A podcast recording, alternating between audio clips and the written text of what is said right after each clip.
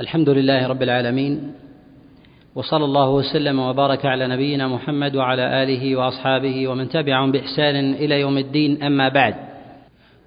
فإن من الأمور المهمة التي ينبغي تأصيلها قبل الولوج في هذه المحاضرة من جهه من جهة العنوان والمضمون وما ينبغي أن يعلم أن من المهمات والأصول العظيمة التي ينبغي أو يجب على العالم والمتعلم أن يكون بصيرا آه، بها أن يعلم أن مراتب العلم وكذلك مراتب آه، التلقي وطريق الإنسان في سلوكه إلى معرفة الخير هو درجات ومراتب. ينبغي على طالب العلم أن يكون على بينة منها بمعرفة الأولويات.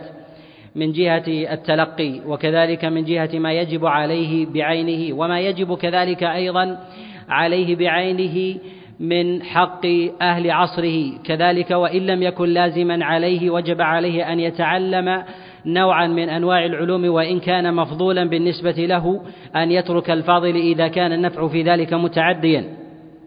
ولهذا من القصور عند العالم وكذلك المتعلم أن يجهل شيئا من الأمور المهمة سواء من علم الطوائف والفرق ونحو ذلك. إذا كان هو بنفسه أو كان أهل عصره بحاجة إلى معرفة هذه الفرق.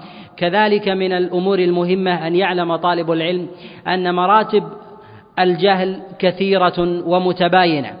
فإذا كان للعلم مراتب ودرجات كذلك أيضا فإنه للجهل دركات وهي متباينة وبينها كما بين المشرق والمغرب. ولهذا ينبغي على طالب العلم إذا قصر العمر عن إدراك كثير من المعلومات وكذلك معرفة كثير من آه، مواضع الشر والجهالات أن يعرف ما يحتاج إليه في زمنه. والإحاطة في ذلك من الأمور المستحيلة وكذلك من الكلف الشاقة على الإنسان. فيجب على الإنسان أن يعلم أن معرفة العلوم الشرعية وكذلك أيضا معرفة الذين يتلبسون بالعلوم الشرعية وغير الشرعية هو قائم على على أمرين. معرفة الحق بذاته أو معرفة أهل الحق كذلك معرفة أهل الجهل. ومعرفة الجهل بذاته. ومعلوم أن الحق يتبين للإنسان بمعرفة أمرين الأمر الأول بمعرفة الحق بذاته بمعرفة الحق بذاته الأمر الثاني بمعرفة ضده ونقيضه. ولهذا يعلم أن الأشياء تعرف بضدها ولهذا يقول الشاعر وبضدها تتبين تتبين الأشياء وهذا نهج قرآني عظيم. قد سلكه النبي صلى الله عليه وسلم في في تأويل القرآن لأصحابه بما يحتاجون إليه من المعاني العامة الشاملة في كلام الله جل وعلا. وكذلك بينه الله سبحانه وتعالى وجعل منهج القرآن إذ فصل الله سبحانه وتعالى فيه كثيرا من العلوم من حال الأمم السابقة أن يكون بيانا لسبيل لسبيل المجرمين. فالله سبحانه وتعالى فصل الآيات وبين تلك العلة من ذلك في قوله جل وعلا ولتستبين سبيل المجرمين فإن من الأمور المهمة التي ينبغي على طالب العلم أن يكون بصيرا بها أن يعلم أن الله جل وعلا أنزل كتابه العظيم حتى يعرف الإنسان الحق كذلك يعرف طرق الغواية والشر. وإذا قصر فهم الإنسان عن معرفة مواضع الشر وطرق أهل الغواية فليعلم أنه من أضعف الناس حجة عند ورود عند ورود الجهالات سواء عليه بذاته أو على المجتمع ويكون حينئذ يدخل عليه الباطل وكذلك على مجتمعه من قبل أولئك الذين ربما كانوا من أهل العلم والمعرفة من جهة معرفة شطر شطر الصواب و عدم معرفة نقيضه وهو الجهالات التي أمر الله سبحانه وتعالى بالتبصر بالتبصر بها. ولهذا رسول الله صلى الله عليه وسلم كان يخص جملة من أصحابه عليهم رضوان الله تعالى بشيء من أنواع المعلومات دون غيرهم لحاجة الناس إليهم. ومن أصحابه عليهم رضوان الله تعالى من من يقوم بمن من يقوم ويسعى إلى معرفة تلك الجهالات وطرق أهل الغواية حتى يكون على بينة وبصيرة وبصيرة بها. فهذا حذيفة بن اليمان كما جاء في البخاري يقول عليه رضوان الله تعالى كان أصحاب رسول الله صلى الله عليه وسلم يسألونه عن الخير وكنت أسأله عن الشر مخافة مخافة أن يدركني. وحذيفة بن اليمان إنما اختص بهذا السؤال والمبالغة فيه لأنه أمين سر رسول الله صلى الله عليه وسلم فلديه علم من النصوص. والأخبار بما يطرأ بعد وفاة رسول الله صلى الله عليه وسلم من ورود الجهالات ورود أهل الزيغ من ظهور المنافقين وظهور الفتن ما لا يعلمه من هو أعلم منه وأكمل من الخلة من أصحاب رسول الله صلى الله عليه وسلم كأبي بكر الصديق وعمر بن الخطاب وعثمان وعلي بن أبي طالب عليهم رضوان الله تعالى وذلك لأمور غيبية الله أعلم الله أعلم بها. لهذا يجب على الإنسان إذا علم أن الوحي قد انقطع وأن الله جل وعلا قد حجبه بوفاة رسول الله صلى الله عليه وسلم وأن الله جل وعلا قد أتم على هذه الأمة الدين. فحينما أتم الدين لم يكن ثمة حاجة حينئذ إلى الوحي وجب على العالم أن يكون من أهل الاعتبار وأهل النظر وأهل القياس وكذلك أن ينظر إلى المآلات وأن يكون كذلك متخذا لنهج الوحي سبيلا بعد انقطاعه وأن يسلك في ذلك منهج ومنحى الوحي بالنظر إلى مآلات كثير من المقالات أو مآلات كثير من من أصحاب الدعوات والمناهج التي يتبنونها فينظر إلى تسلسل أدعياء تلك الأفكار وما آلت إليه في الأزمنة السابقة فيحذر عما ما يدعو إليه أضرابها وأشباهها في الأزمنة في الأزمنة المتأخرة أو في الزمن الذي يعيشونه حتى يكون من أهل العلم والدراية.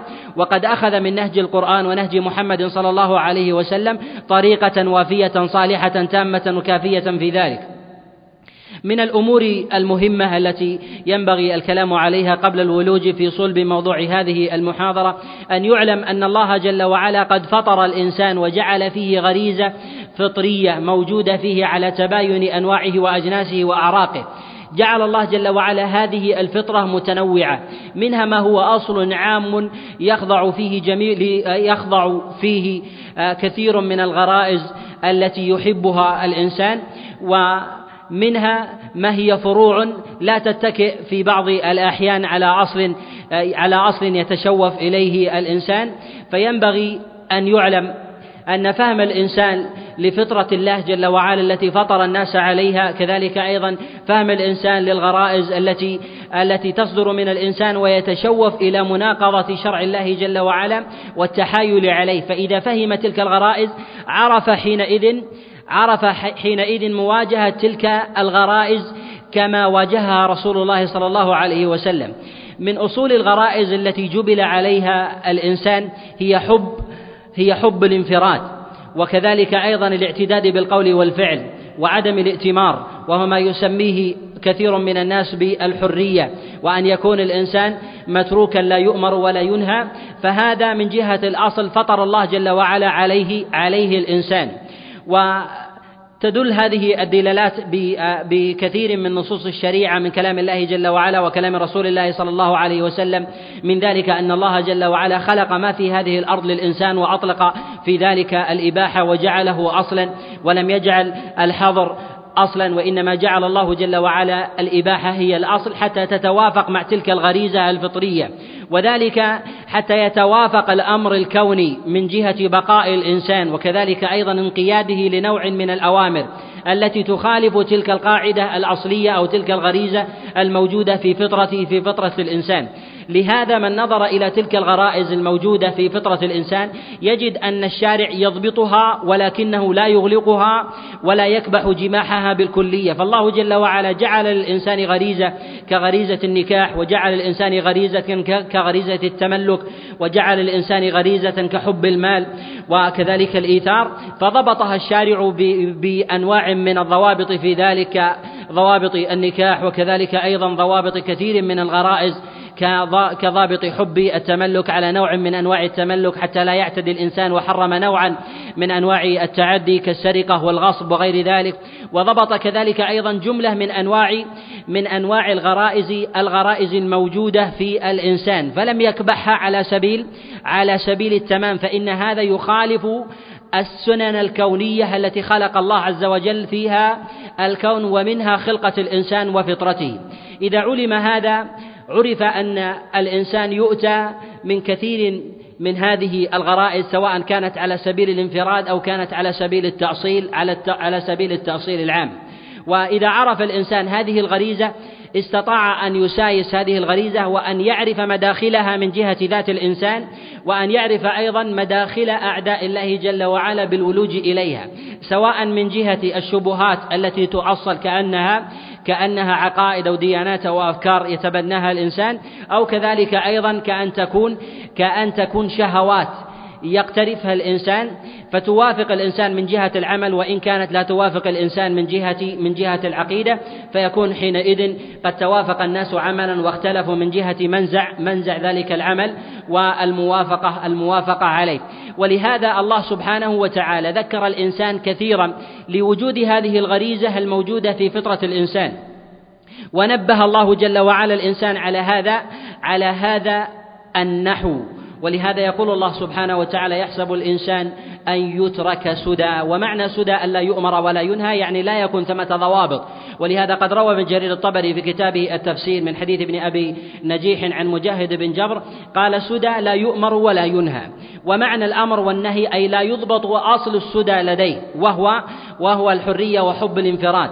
ولهذا يقول الله سبحانه وتعالى يقول الله جل وعلا في كتابه العظيم حاكيا عن حال قوم شعيب حينما أمرهم بعدم التطفيف بالمكيال والميزان وأشار إلى نوع من الظلم الذي لا يخرم اصل أصل حب انفرادهم واختصاصهم وكمال إرادتهم. قالوا يا شعيب أصلاتك تأمرك أن نترك ما يعبد آباؤنا أو أن نفعل في أموالنا ما نشاء؟ هذا خطاب من قوم شعيب ارجاع إرجاع إلى الأصل الذي الذي ظنوا أنهم وجدوا عليه وأن الأمر المنضبط الذي جاء به الشارع في ضبط ذلك الأمر أنه خارج خارج عن حبهم وإرادتهم.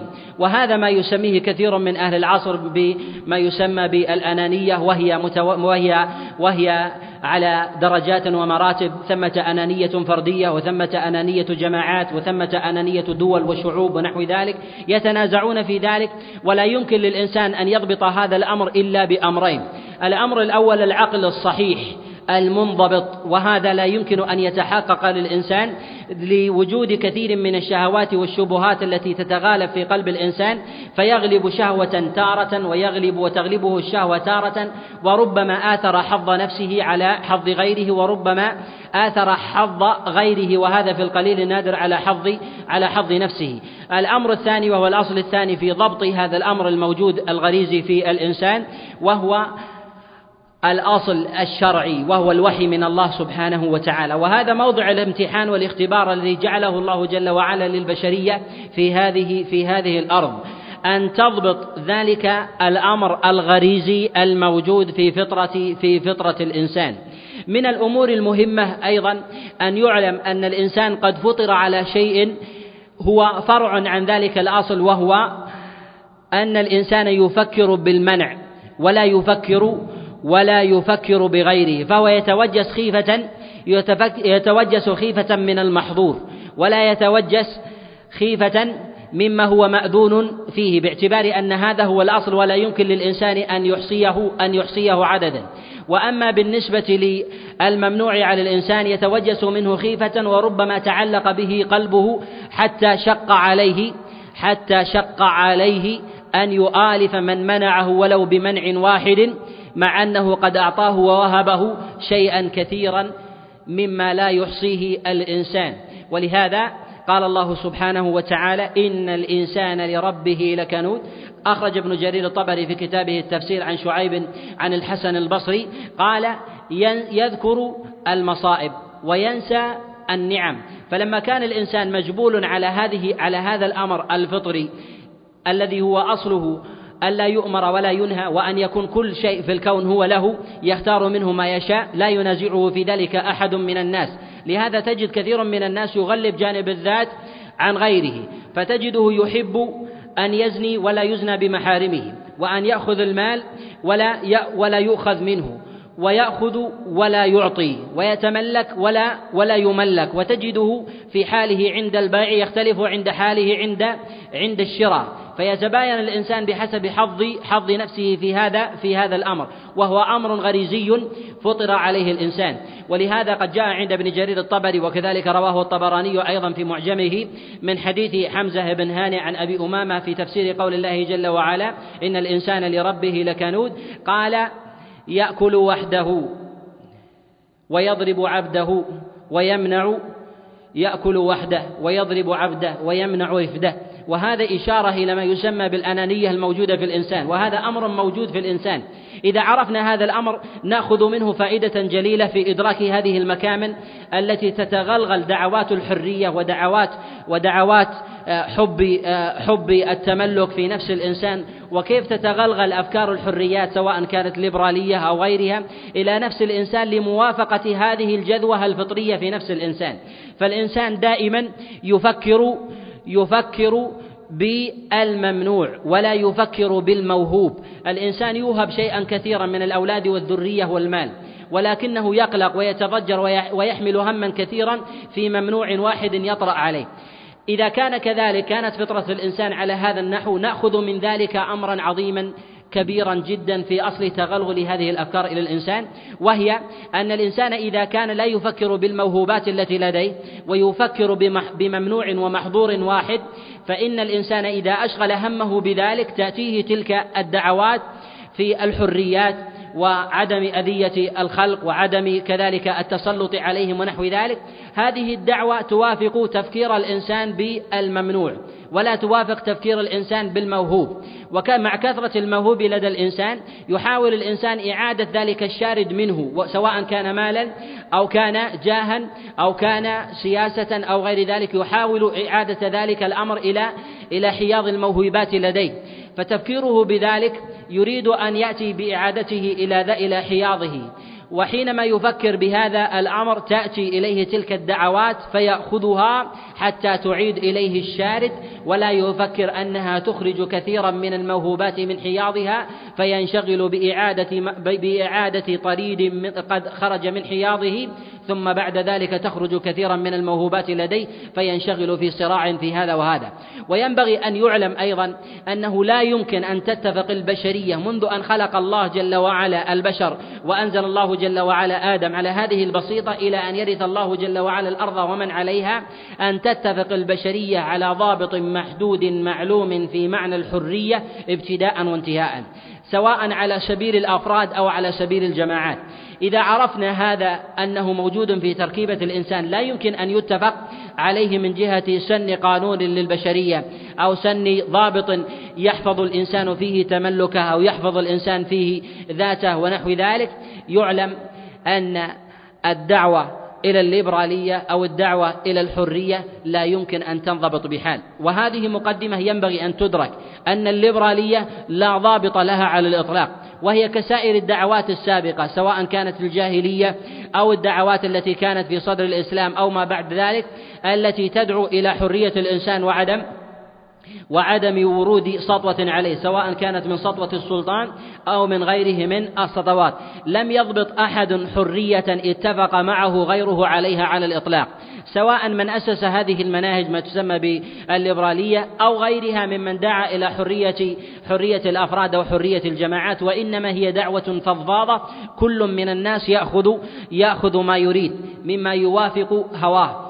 ولهذا لما كانت هذه الأمور على هذا النحو على هذا النحو المتشعب الذي لا يمكن أن ينضبط أخذها الناس وتلقاها كل بحسب حاجته. كل يعيد يريد أن يعيد ذلك الطريد الخارج من حياضه إلى إلى إلى إلى الموهوبات التي التي لديه. سواء كان حاكما وسلطانا أو كان عبدا من أفراد الناس أو كانت قبيلة ونحو ذلك. لهذا تجد الدعوات في المشرق تختلف عن الدعوات في المغرب للليبرالية. فالليبرالية الغربية تختلف عن الليبرالية الشرقية. فتجد ربما شيخ قبيلة متعنت متسلط على قبيلته يدعو إلى الليبرالية ويدعو إلى الحرية ولكنه يخرج ذلك الأمر حتى حتى يبقى شيء من الحظوة لديه. قد فقدها فأراد أن تعود إليه. بينما أصل سياسته وإدارته في الناس لا يمكن أن تتفق مع هذا مع هذا الأصل. ومن الأمور المهمة أن يعلم أيضا إذا تأصل لدينا هذا الأصل أن نعلم أن كثيرا من الذين يتبنون الأفكار سواء بأهل الشرق أو أهل الغرب بكثير من الأطروحات الذي يتبنونها سواء يسمونها ليبرالية إسلامية أو ليبرالية علمانية أو أو الحرية من غير تبني شيء من المصطلحات. يتكلمون على عدم فهم كثير من المناوئين لهم أنكم لم تفهموا معنى الليبرالية أو لم تفهموا معنى الحرية وأنكم تتكلمون بشيء لم تفهموه. هم صادقون بهذا الأمر لأنه لا يمكن ضبط هذا الأمر حتى عند الذين أسسوا هذه هذه الأفكار وأصلوها. فالليبرالية لا يوجد لها شخص أصلها وبين قاعدة من قواعدها فاتفق عليه الناس. فإذا كان هذا في قاعدة واحدة يتفق معه غيره على هذا الضابط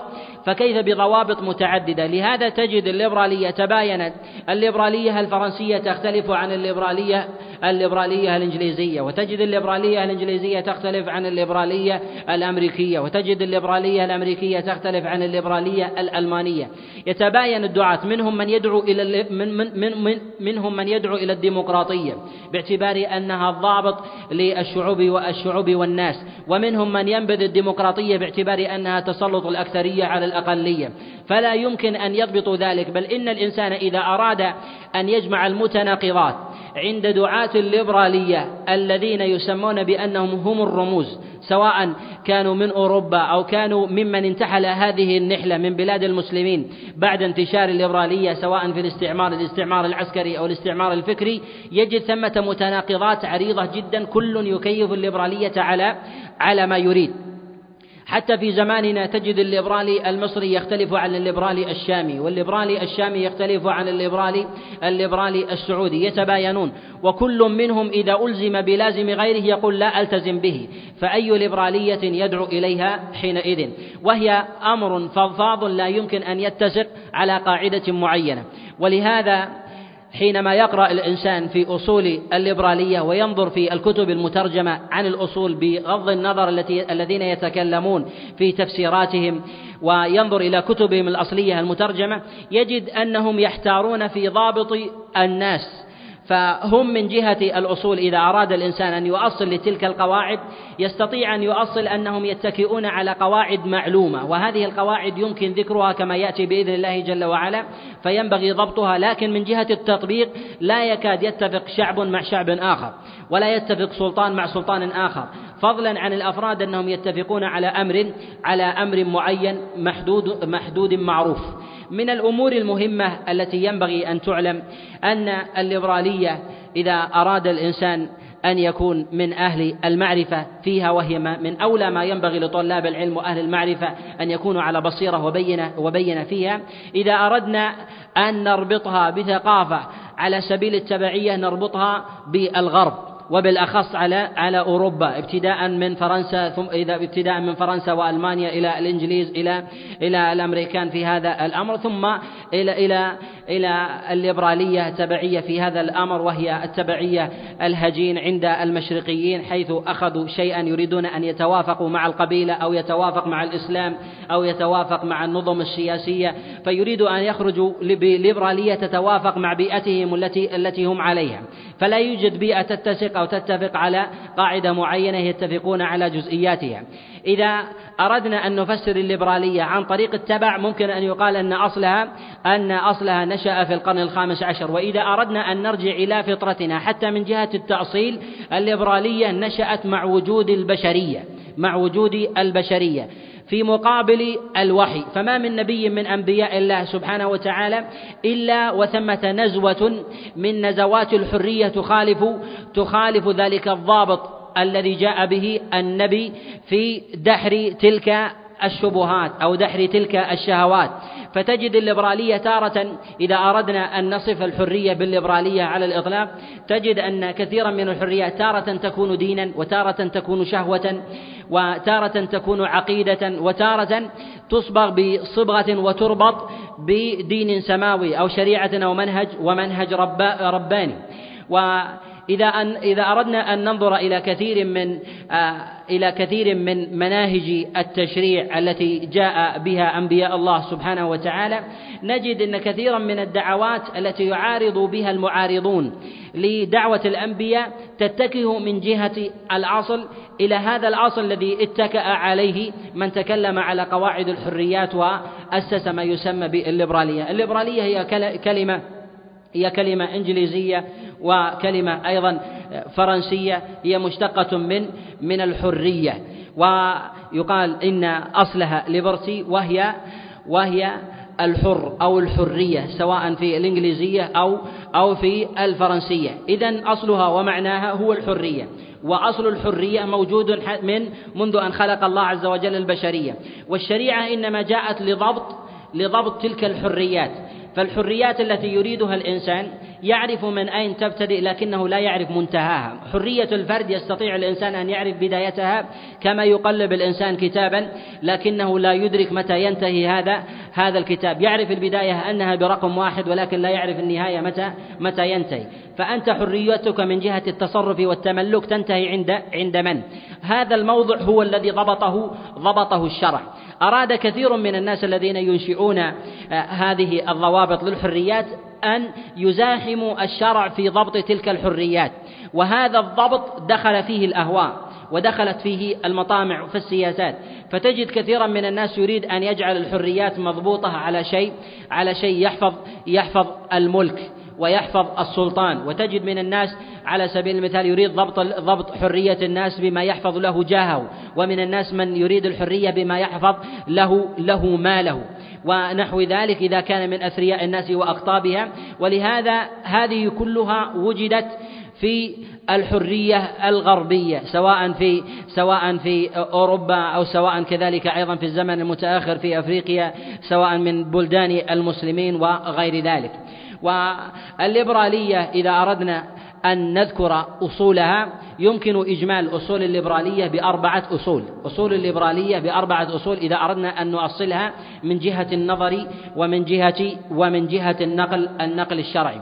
الأصل الأول النظرة المادية. النظرة المادية هو أصل وأساس تتكئ عليه تتكئ عليه الليبرالية في تحليل الأحداث كلها وفي سائر تشريعاتهم وهذه النظرة التي يتكئون عليها يشرعون فيها أمور الأموال وأمور السلطان وكذلك علاقات الناس فيما بينهم ونحو ذلك. وهذه إذا أراد الإنسان أن أن يرجعها إلى حب الإنسان بتفرده وأن لا يؤمر ولا ينهى يجد أن الأصل ذلك تنفرع عنه هذه النظرة وهي النظرة المادية أي أن يكون للإنسان نظرة بعقله ينفرد بها عن غيره لا يشاركه في ذلك أحد يتبعها ولا يتبع ولا يتبعها معه معه غيره. إذا أردنا أن ننظر إلى النظرة المادية البحتة وجدنا أن لهذه النظرة جملة من الحدود ينبغي أن تضبط بضابط. النظرة المادية على طريقة الغربيين ومن نحى نحوهم لا يمكن أن يحد النظرة المادية على الإطلاق. فتجد تشكيكا في العلل الشرعية والحكم الإلهية وسواء كانت كونية أو شرعية. الله جل وعلا خلق الكون وخلق الأفلاك السماوات والأرض والكواكب والأبراج لحكمة بالغة نص الله جل وعلا على بعض منها في كتابه العظيم. جعل الله جل وعلا جملة من الشرائع كالأركان الخمس وغيرها. وهذه عبادات لها علل. ولها حكم. نص الله جل وعلا على بعض عللها ولم ينص على البعض على البعض الآخر. هذه التفسيرات لا يمكن أن ينفرد لا يمكن أن ينفرد بها عقل ويوافقها عليه غيره. فيرجع الإنسان إلى عقله فيتنكر لتلك التحليلات الشرعية. ولهذا نجد كثيرا من الناس يربط كثيرا من المصائب والأمراض والأسقام التي تلحق بالإنسان. بالنظرة المادية المحضة إنما هي أعراض طبيعية وتزول. لا يمكن أن يكون لها أثر سواء مما علقه الله جل وعلا بذلك أو مما أخفاه الله جل وعلا سواء بالمصائب والذنوب أو ما كان من أمور الابتلاء أو الرفعة للإنسان ونحو ذلك. هذا من جهة الأصل لا يجعله الإنسان يتفق مع عقله. ويكون الإنسان في مثل ذلك يشارك يشارك البهيمة ويرد الشرع بهذا النظر وهذا التحليل. ومن الأمور المهمة أيضا أن يعلم أن هذه النظرة المادية في تحليل في تحليل الأحداث تتصادم مع الأحداث العقلية بذاتها. فالنظرة المادية للإنسان في القرن السابق تختلف عن النظرة المادية في الزمن التالي.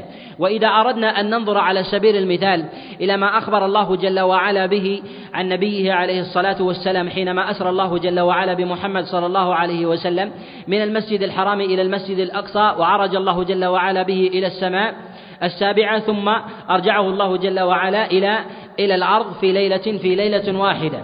إذا أراد الإنسان أن ينظر إلى مسألة الإسراء من مكة إلى المدينة بالنظرة المادية هذا هذه النظرة هي التي عارض بها كفار قريش نبينا محمد صلى الله عليه وسلم أن هذه النظرة لا يمكن تصديقها فكذبوا محمد صلى الله عليه وسلم. هذه النظرة في نظر كفار قريش وهو منزع مادي اتكأوا على هذا الأصل أن هذا لا يمكن تصديقه من جهة المادة أن الإنسان يرتحل ويجيء. فمن وافق كفار قريش من جهة نظر من نظرته ممن دخل في حياضهم فهو على حق ومصيب. ومن كان على خلافهم فهو في عداد المجانين أن يصدق شيئا لا يمكن أن يتركب من جهة الكون في هذا الأمر. إذا أردنا أن ننظر إلى إلى أمر الإسراء من مكة إلى المدينة في الزمن المتأخر ننظر أن كفار قريش إنما هم إنما هم سفهاء إن لم يصدقوا هذا الأمر. فإذا وجد في زماننا من يكذب أن الإنسان يغادر من مكة إلى المسجد الأقصى ثم يعود في ليلة واحدة أو ربما أقصر من ذلك نعده نعده مجنون. فعلى هذا النظرة المادية بالنسبة لكفار قريش هم على حق وصواب. وعلى نظر وإعمال للعقل. ومن خالفهم ولو كان لديهم مستند شرعي قد لا تثبت دلالته في الفورية والحال وربما تثبت في زمن آخر بعد هلاك ذلك الجيل. فإن من وافق كفار قريش في زمانهم فإنه على حق. ومن خالفهم وهو نبينا عليه الصلاة والسلام فإنه تنكر لشيء من الأصول والنظر وهو في عداد في عداد في عداد في عداد المخرفين جل رسول الله صلى الله عليه وسلم عن ذلك ولهذا وصف رسول الله صلى الله عليه وسلم بالسفه والجنون. وذات العقل البشري إذا أردنا أن نحاكم العقل العقل البشري إلىذاته فالعقل البشري الذي يحمله أبو لهب وأبو جهل من جهة الأصل هو عقل واحد وهو الذي يحمله الإنسان في إدراك المدركات. فإذا كانت المحسوسات التي لدينا لديهم في الزمن السابق أدركوا ما ندركه. فمن كان لدينا في زمننا يريد أن ينفي يريد أن ينفي ما نفاه كفار قريش فإنه فإنه مجنون عند العقلاء عند العقلاء كافة في زماننا. لهذا نعلم أن العقل البشري بذاته حكم على ذاته بالجنون والسفه سابقا ولاحقا من جهة الانفراد. ومن جهة الأعيان والأفراد حكم السابقون بجنون بجنون المتأخرين وحكم المتأخرون بجنون السابقين ورسول الله صلى الله عليه وسلم كان على هدى وحق وصواب وصواب في هذا الأمر. وهذا أنه كما أنه في قصة الإسراء في غيرها من من القصص. لهذا كان ثمة حاكم للنظرة المادية وهذا الأصل أمر الله جل وعلا بلزومه. وهو أن الإنسان له نوع من الإدراك ينبغي أن يقف عنده وما عدا ذلك هو من التسليم الذي ينبغي أن يسلم به وهو أمر الله جل وعلا وإخباره. فإذا أخبر الله سبحانه وتعالى بشيء من الأمور المغيبة وجب على الإنسان أن يسلم. وأن لا ينتظر أن يأتي جيل بعد ذلك يثبت له صدق ما أخبر الله جل وعلا به فيدخل ضمن ضمن من يتهم بالخرافة والجنون وعدم التسليم بشيء من الأمور القطعية التي حكم الله جل وعلا بها في الحال في حال كفار قريش وحكم بها أهل العصر قاطبة سواء كان المؤمن والكافر على تلك النظرية وعدم وعدم الانسياق خلف النظرة المادية التامة. لهذا وجب على الإنسان أن يسلم لأمر الله سبحانه وتعالى من جهة من جهة النظر فيما يخبر الله جل وعلا به. سواء ما يتفق مع أمر الإنسان ما صح ما صح النص واتضحت الدلالة. وينبغي أن يعلم أن معارضة الشريعة لمجرد عدم الموافقة للنظرة المادية هي نظرة كفرية شركية. وهذه تختلف بحسب النص المعارض ما كان من أمور القطعيات المعلومة من الدين بالضرورة فإن المعارض لها كافر ومن كان يعارض شيئا مما دون ذلك فإنه ينظر ينظر بحاله بحسب بحسب أمره. الأصل الثاني في ذلك وهو الحرية. الحرية هو أصل يتكئون عليه في كثير من الدعوات وهو بينها وبين النظرة المادية تداخل باعتبار أن الإنسان له حق التفكر والتأمل لا يملي عليه أحد من من الناس بأي نوع من من أنواع الإملاءات. الحرية إذا أراد الإنسان أن ينظر إليها كما تقدم التأصيل فيه يجد الإنسان أن الحرية يتقاسمها يتقاسمها أناس أو طائفتان. الطائفة الأولى هي طائفة الأفراد. الطائفة الثانية هي طائفة طائفة السلاطين. السلاطين الذين يوجهون الناس. بالنسبة لحرية الأفراد إذا أراد الإنسان أن يضبط تلك الحرية وهي حرية الفرد في في ذاته والإنسان يحب لنفسه ما لا يحب ما لا يحب لغيره. وهذا من آثار تلك الحرية وهي غريزة تولد أصلا يأتي الكلام عليه وهو وهو أصل الأنانية أو حب حب الذات. وهي فرع فرع عن هذا الأصل وله شق ينفرد به ولهذا أخرجناه على أصل على أصل مستقل. إذا أراد الإنسان أن يضبط حرية الفرد فإنه يجد في ذلك في ذلك إشكالات. الإشكال الأول حرية الفرد من جهة ابتدائها معلومة وفي الأغلب أنهم يتفقون على ذلك.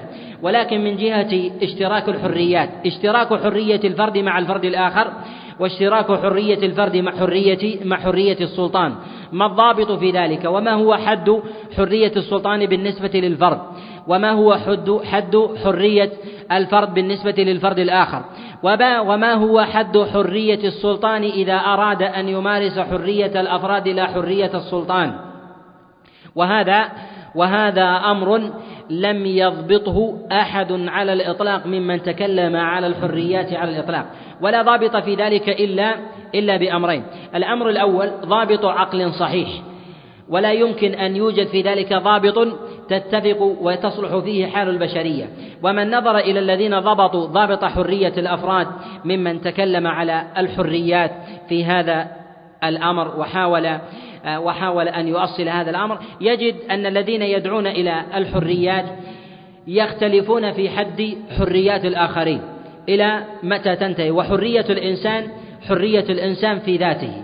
ما كان لازما لذاته لا يشاركه فيه غيره هل له حرية في ذلك بما يسمى بالانتحار أو ما يسمى بلبس الإنسان أو معاقرة الخمر أو تغيير الجنس أو أو شذوذ الإنسان بغيره. هل هذا داخل في حرية الإنسان اللازمة غير المتعدية التي لا يشركها فيها أحد؟ بيع الإنسان لسم لغيره إذا أراد الإنسان غيره أن يشتريه لنفسه. أخذ الإنسان شراؤه لنفسه. صنع الإنسان السم لنفسه. هل هذا من حريته الفردية التي يستطيع الإنسان أن يفعلها؟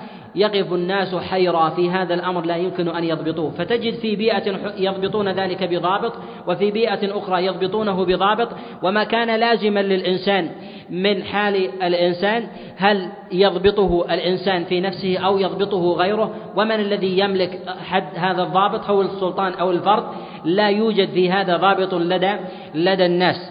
وأول من تكلم في هذا الأمر إذا أراد الإنسان أن يرجع هذا الأمر إلى أصله العام يجد الإنسان أن ضابط الحرية هو موجود مع أصل الجنس البشري وضابطه متنازع مع وجود أصل البشري في مصارعة الحق. سواء كان نقلا صحيحا صريحا أو كان نقلا أو عقلا أو عقلا صحيحا.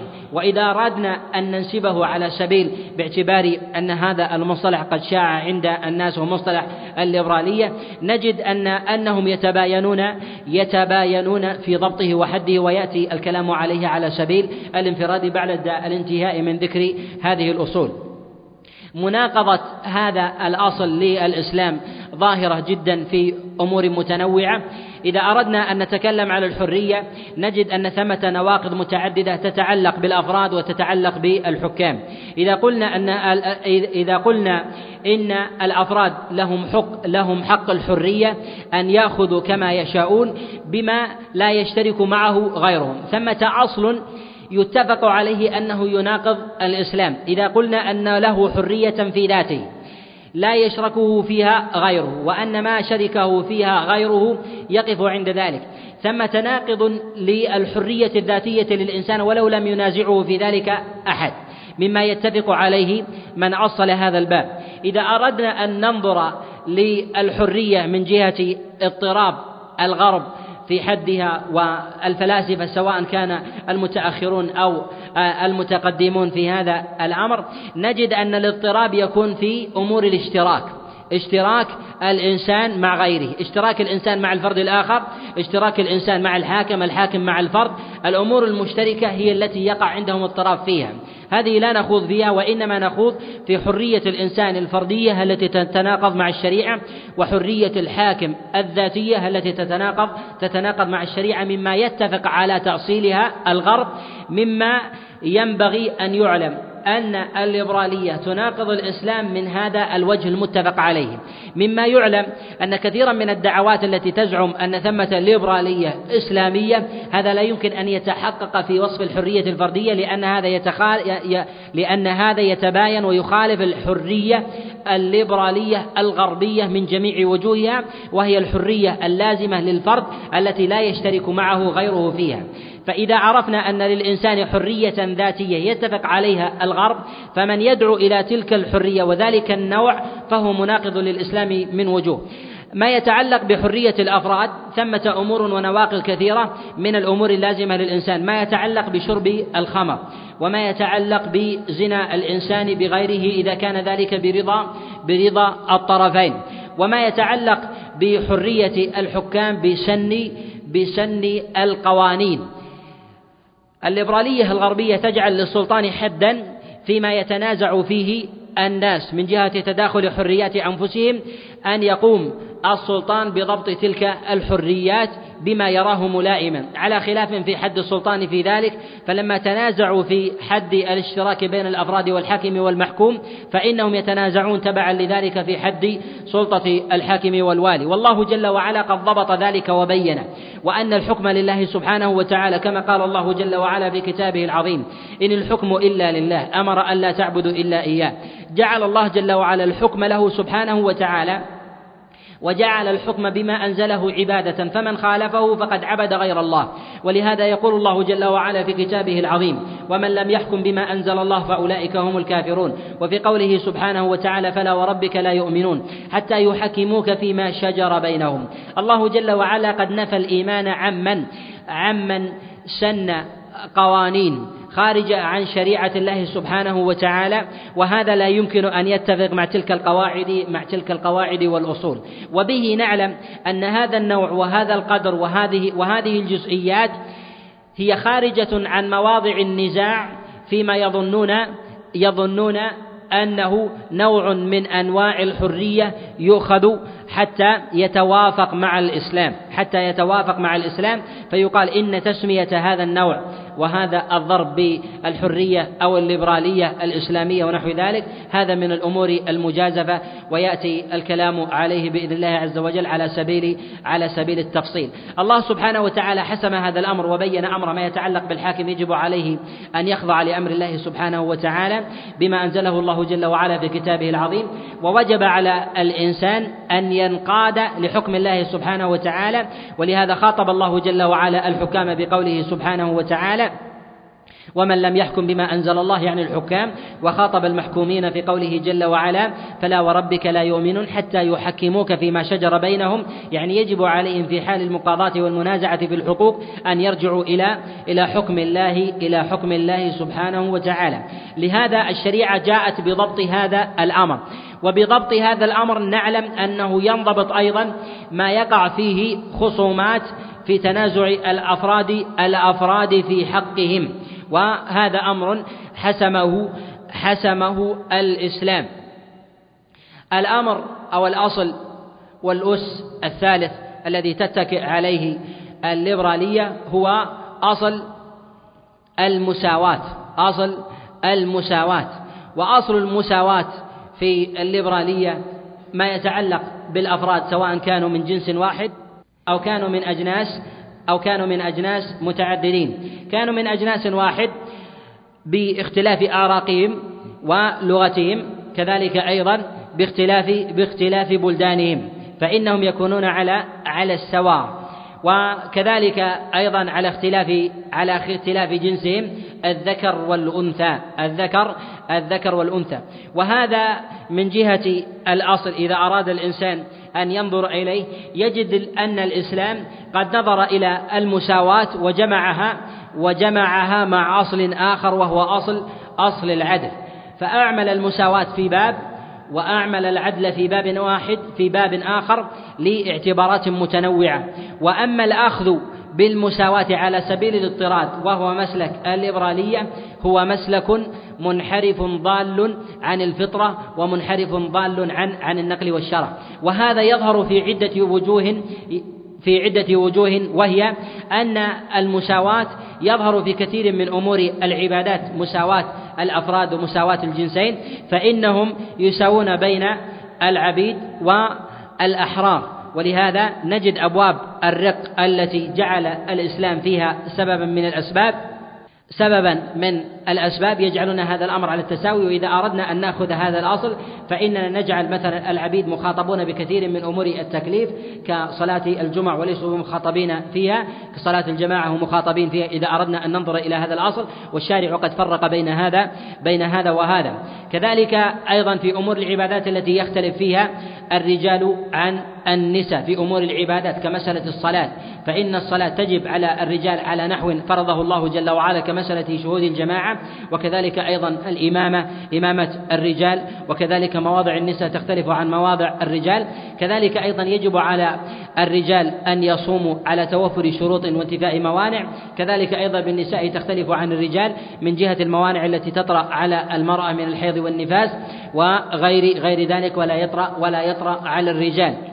وهذا مع كونه معارضا لأصل الإسلام وتشريعه في أمور العبادات كذلك أيضا في أمور في أمور الحدود والتعزيرات. ما يتعلق بالأفراد في ذواتهم كذلك أيضا ما يتعلق ما يتعلق في حكم الحاكم فيما يتعلق في المساواة. في أمور المواريث في مساواة الذكر والأنثى بالميراث وكذلك أيضا ما يتعلق بالحدود والحدود والتعزيرات.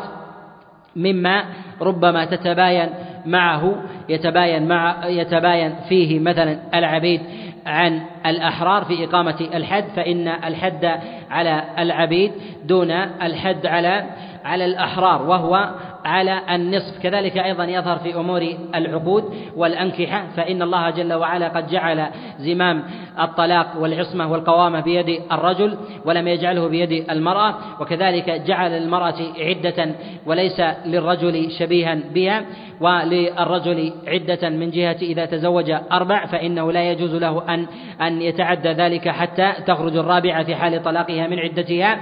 وإذا قلنا بذلك فإن ثمة أيضا صور أخرى كأبواب النكاح فللرجل أن يتزوج وأن يخطب وأن يدفع المهر إلى المرأة ونحو ذلك. كذلك أيضا نجد أن الرجل شرع الإسلام له التعدد على خلاف المرأة وإذا أردنا أن ننظر إلى باب التساوي الذي يؤصلونه يجد نجد أن الشارع قد ضبطه بضوابط. والأخذ بهذا الأصل بالمساواة على سبيل العموم وهي ما يطلقها كثير من الدعاة إلى أمثال هذه الأصول وهي تجد آذانا سامعة للأصل الذي تقدم على تقدم تقدم فيه وهو أن كثيرا من الناس أو جل الناس ينظرون إلى ينظرون إلى المسلوب ولا ينظرون إلى الموهوب. الإنسان يعلق نفسه بالمسلوب المفقود ولا ينظر إلى الموهوب. لهذا حينما يدعو كثير من دعاة العلمانية والليبرالية والحرية إلى الحرية فإنهم يتذكرون تلك الأمور التي سلبوها. فمن اضطهد بسلطان يتذكر ذلك الاضطهاد الذي سلبه فيأخذ ما يصلح له من هذا الأمر. فإذا كان الإنسان سلب مثلا شيئا بسطوة عالم أو سطوة أو سطوة شيخ قبيلة ونحو ذلك تفكر بالمسلوب الذي سلب. فتجد هذه الأمور آذانا صاغية فيحب الإنسان أن يفلت من زمام أن يفلت تلك أو ذلك المسلوب من يد السالب حتى يعود إليه. ولا يمكن أن يفلته إلا بتبني هذه الأصول والانسياق خلف خلفها حتى تعود إلى حياضه. لهذا تجد هذه الأمور رائجة. لماذا؟ لأنها في الأغلب تعيد المسلوبات ولا تأخذ الموهوبات على سبيل على سبيل التعيين. لهذا ينساق إليها كثير من الناس لأنها تعيد أشياء معلومة تعلق الإنسان بها بذاته وهي موافقة في الأغلب إلى غريزة الإنسان. والأصل الرابع من أصول الليبرالية والأصول آه، الحرية وهذه الأصول إذا أردنا أن نتكلم عليها ينبغي أن يعلم أنه لا يكاد يجدها الإنسان على هذا النسق وهذا الترتيب وربما يظن الإنسان أو يقول أن هذه هذا من الأمور الابتداع وهذا مما آه، لم يذكره أحد على سبيل التأصيل ونحو ذلك. نقول أن الليبرالية لم يتفق عليها أحد على الإطلاق. فتجد أن ليبرالية مارتن لوثر تختلف عن ليبرالية آه، جان آه، آه، جان جاك وليبرالية جون ميل تختلف عن عن عن ليبرالية جون ديوي وغيرهم. كل يختلف عن غيره في كثير من الأبواب وأصول وأصول التأصيل في هذا الأمر. لهذا إذا أراد الإنسان أن يجمع الأصول الكلية التي يتفقون عليها من جهة الاصطلاح ويختلفون من جهة التطبيق هي هذه هي هذه الأصول. الأصل الرابع هو حب الذات وما يسمى بالأنانية. حب الذات هو أصل تريد غرسه الليبرالية أو ما يسمى بالحرية فهي تعتني بالأفراد وحب تملكهم وعدم دخول السطوة عليهم. وهذا إذا أردنا أن ننظر إليه نجد أن الإسلام قد عارض هذا الأصل وبين الله سبحانه وتعالى ذم الشح وبين الله جل وعلا بيان كثير من كثير من المحظورات المتعلقة في هذا الأمر ونقضه في كثير من الأصول. ولهذا قال النبي عليه الصلاة والسلام كما جاء في الصحيح من حديث قتادة عن أنس بن مالك قال رسول الله صلى الله عليه وسلم لا يؤمن أحدكم حتى يحب لأخيه ما يحب ما يحب لنفسه. وهذا هو نزع لحب ذات الإنسان حتى حتى يساوي الإنسان غيره في حبه لذاته. وإذا أردنا أن ننظر إلى هذا الأصل وجدنا أنه يفكك كثير من أصول الإسلام العظيمة. من هذه الأصول إذا نظر الإنسان إلى حب ذاته نجد أن الإنسان لا ينظر إلى الحقوق الشرعية التي أمر الله جل وعلا بها كبر الوالدين وصلة الأرحام وحق الجار وكذلك أيضا بالنسبة للمال فإنه فإنه ينظر إلى تعامله مع غيره سواء في الأمور المالية بالبيع فإنه يأخذ الربا على غيره ولا يحب أن يأخذه أحد أحد منه باعتبار أن هذا الأمر متأصل متجذر.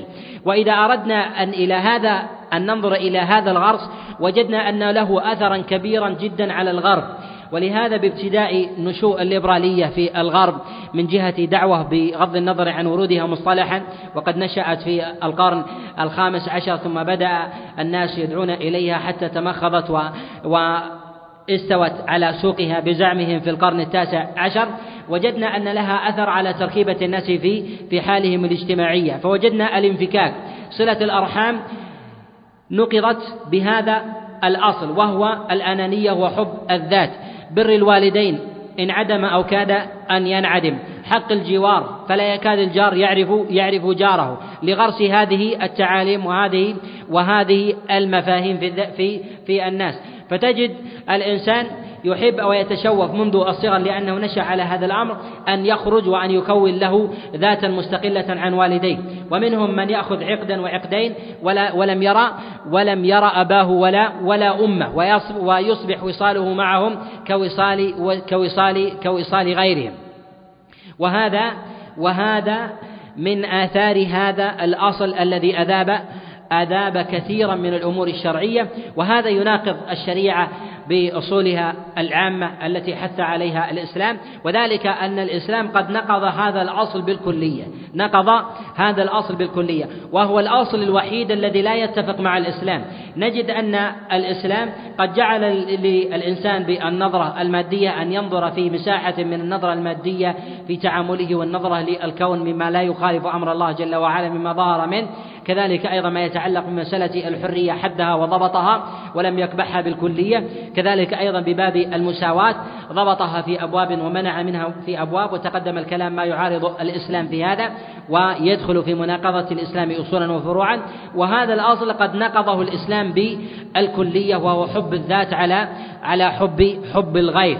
ونجد أن الإنسان إذا أراد أن يدخل في هذا الأصل وأن ينظر إلى أثره في الغرب يجد حب الماديات في الناس. وتجد الإنسان لا يعرف مراتب صلة الأرحام بل لم لا يوجد لديه ما يسمى بصلة الرحم ولا يعرف التواصل في هذا الأمر. وينعدم لديه كثير من الأمور الأصول التي حث عليها الإسلام. من أعظم هذه الأصول الزكاة وكذلك أيضا الصدقات والنفقات. نجد أن الغرب في مثل هذا الأمر تتبناه حكومات لانعدامه عن لانعدامه عند عند الأفراد. فلا يوجد إغاثة الملهوف ولا تجد أيضا إعانة الفقير والمحتاج. كذلك إخراج الزكاة على الترتيب والنسق المعلوم بسد حاجة المحتاج وإنما هي دول تنظمها فيقع في ذلك من الاضطراب وتنشأ لديهم الطبقية. أما الإسلام فضبط هذا ضبط هذا الأمر. وأشار النبي عليه الصلاة والسلام إلى ذم هذا الأمر كما جاء في حديث أبي أمامة في في تأويل قول الله جل وعلا إن الإنسان لربه لكنود. لربه لكنود روى ابن جرير الطبري من حديث حمزة بن هاني عن أبي أمامة جاء مرفوعا وموقوفا والصواب في ذلك الوقت. قال قال يأكل وحده. وهذا إشارة إلى الأنانية الموجودة في فطرة الإنسان التي وافقت الأصل الذي دعت إليه الليبرالية فانساق الناس إلى هذا الأصل باعتبار أنه يشبع, يشبع تلك الغريزة بلا ضابط. يأكل وحده ويضرب عبده حتى يأتيه بكسب المال. ويتقوت قدر إمكانه فيريد الإيثار لنفسه.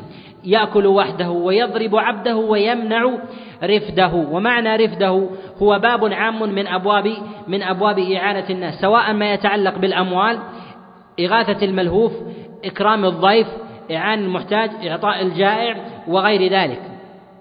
كذلك أيضا بحسب درجات الإعانة. هذه يناقضها ذلك ذلك الأصل الذي الذي أصلوه أو أصلته الحرية وهو مصادم لأصل الإسلام.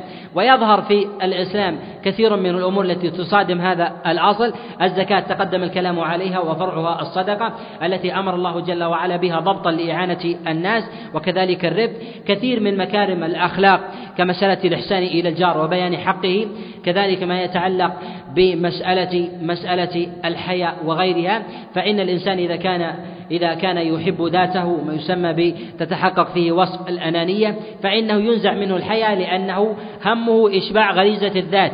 وكثير من من الناس الذين يأطرهم النظر إلى غيرهم ويتشوفون إلى إرضاء الغير وهو ما جاء فيه بضبطه الإسلام بحيث أن الإنسان لا يرائي بغيره وإنما يفعل ليرضي الله ولا يجامل الغير فيأمر فيأمر بالمعروف وينهى عن المنكر على النحو الذي جاء به الشارع.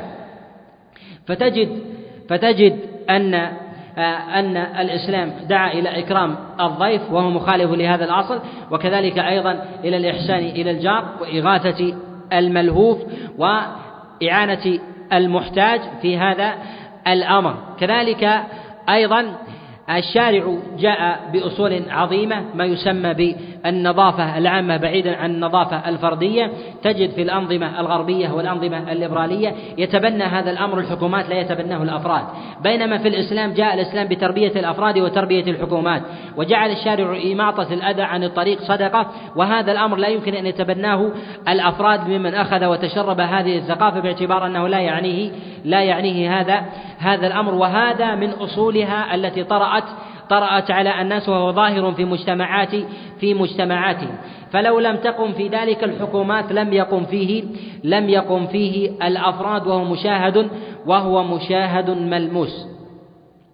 كذلك أيضا ما يتعلق ما يتعلق بالأمر بالمعروف والنهي عن المنكر الذي جاء به الإسلام يبطل بهذا يبطل بهذا الأصل وبالأصل الثاني وهو أصل الحرية.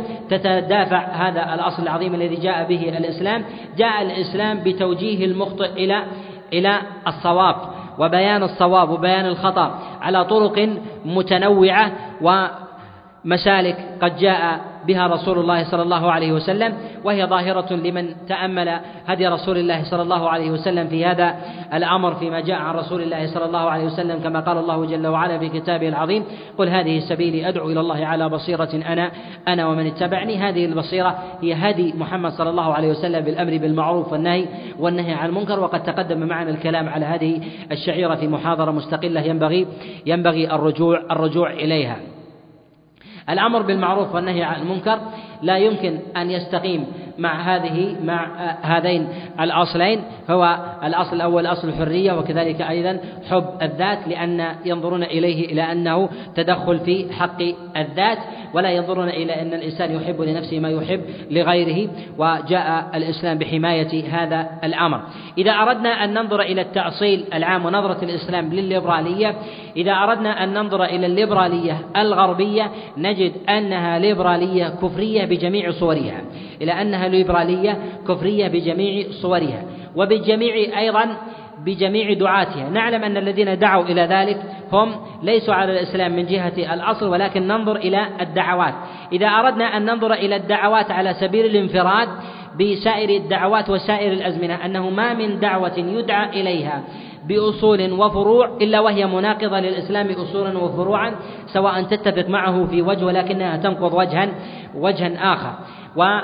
وأما إذا أردنا أن ننظر إلى الليبرالية الهجين التي يأخذها كثير من المشرقيين فيأخذون بابا من الأبواب ليصلحوا فيه نوعا من أنواع حياتهم فهذه ينبغي ألا تسمى ألا تسمى ليبرالية. وينبغي أيضا أن يرجع تأصيل الليبرالية إلى أصلها بالنظر إلى أصل فطرة الإنسان وتكوينه كذلك أن ينظر إلى تلك الدعوات التي دعي إليها وتضبط بهذه الأصول وهذا وهذا النحو. ويحكم عليها بحسب بحسب أفراده، لهذا ينبغي أن يفصل عند كثير من ممن يتكلم على الليبرالية بين الكلام على الليبرالية كأصل ونقض كمذهب غربي أن يحكم عليه بأنه مناقض للإسلام بجميع صوره وأزمنته وبجميع أيضا دعواته الواقعة والحاصلة من من الأفراد، أن يفصل عنه عن الدعوات المهجنة التي يدعو فيها إليها بعض الأفراد ويحكم إليها بحسب دعواتهم وتبين ويلزم ببعض الأصول وألا يخلط بين بين هذين بين هذين الأمرين. أما بالنسبة للليبرالية الغربية إذا أراد الإنسان أن ينظر إليها كفكر يجد الإنسان أنها فكرا وليست وليست عقيدة أنها فكر وليست عقيدة. ولكن من جهة اللغة وكذلك أيضا اصطلاح الشرع لا حرج على الإنسان أن يسمي فكرا من الأفكار التي يتبناها الإنسان على نوع من الهوى أنها أنها عقيدة. فالله سبحانه وتعالى قد بين أن الإنسان قد يتبع رأيا من الآراء فيكون قد عبد ذلك ذلك الرأي. ولهذا يقول الله جل وعلا في مبين حال حال من اتبع رأيه اتخذ إلهه هواه يعني جعل معبوده ذلك الرأي فسماه معبودا وهذا نوع من أنواع العقائد. ولهذا قد ينازع البعض في قوله أن الليبرالية ليست عقيدة وإنما هي هي فكر من جهة اللغة. وكذلك تقرير الشارع في بعض الأوجه أنها تسمى عقيدة باعتبار أن الإنسان يجعل يجعل رأيه ينزع من هذا من هذا المبدأ وهذا وهذا الفكر. كذلك أيضا فإن الأفكار لا يمكن أن أن تنبع من الإنسان قولا وفعلا إلا إلا لأصل تأصل لديه. والعقيدة مشتقة من انعقاد الشيء وانعقاد الحبل؟ فإذا انعقد لدى الإنسان فكرة من الأفكار وتبناها فإنه يقال عقد أمره وعزم على هذا الأمر وهو ساغ من هذا الوجه. وكذلك إذا أردنا أن ننظر إلى إلى عقيدة الإسلام نجد أن هذا المصطلح هو مصطلح العقيدة لم يأتي به النبي عليه الصلاة والسلام ولم يرد في كلام الله جل وعلا. فمصطلح العقيدة كمصطلح لم يتلفظ به النبي عليه الصلاة والسلام وليس في القرآن وإنما هو مصطلح اصطلح عليه أئمة الإسلام لضبط مسائل التوحيد وبه يعلم أن هذا المصطلح آه، يدخل في سائر أنواع سائر أنواع العقائد والأفكار. وإنما يريد كثير من الناس أن يسمي الليبرالية بأنها فكر ولا يريد أن يسميها عقيدة يريد أن أن يتملص من مضاهاة الديانات والشرائع وأنها لا تعارض الديانات حتى توافق نوعا من أنواع الهوى أو نوعا من أنواع التطبيق الذي يريده حتى لا تتصادم مع الدين. ينبغي لمن يريد أن يؤصل هذه المذاهب ألا ينساق خلف رغبات الذين يدعون إلى نوع من أنواع العقائد. وأن يؤصلها لهم وأن يبين ما هم عليه من صواب وما هم عليه وما هم عليه وما هم عليه من خطأ. وينبغي أن يعلم أيضا أن كثيرا ممن يتبنى الليبرالية من المشرقيين لم يفهم دعوات الغربيين لم يفهم دعوات الغربيين للليبرالية وذلك لأسباب متنوعة. السبب الأول باعتبار أن الليبرالية الغربية غير منضبطة. فالليبرالية الفرنسية غير الليبرالية الألمانية والليبرالية الأمريكية غير الليبرالية البريطانية وغير ذلك. وإذا أراد الإنسان أن ينظر أيضا إلى الأفراد يجد أن التأصيلات التي يدعو إليها مثلا مارتن لوثر يختلف عن الليبرالية التي يدعو إليها جان جاك وجون ديوي تختلف عن الليبرالية التي يدعو إليها من سبقه. فهذا يدعو إلى أصول وذاك يدعو إلى أصول تختلف عن عن غيره. فلا يمكن أن أن أن يتفقوا على تطبيقات مع اختلاف مع اتفاقهم على الأصول على الأصول العامة.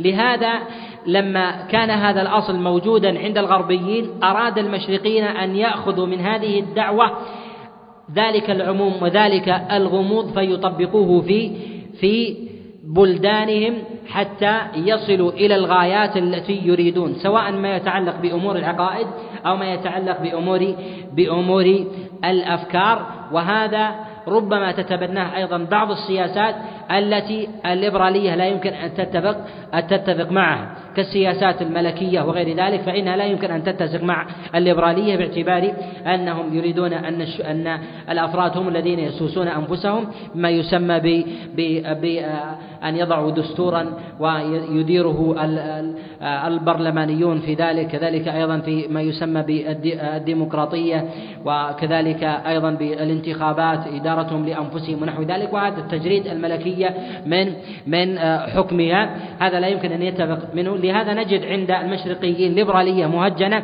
السلطة تأخذ منها شيئا والأفراد يأخذون شيئا كل يريد أن يتفق مع مع هذا الأمر. ومن الأمور المهمة أن تؤصل الليبرالية الغربية وتبين وتبين للمسلمين وأن يعلم أنها غامضة حتى عند من أسسها وأصلها.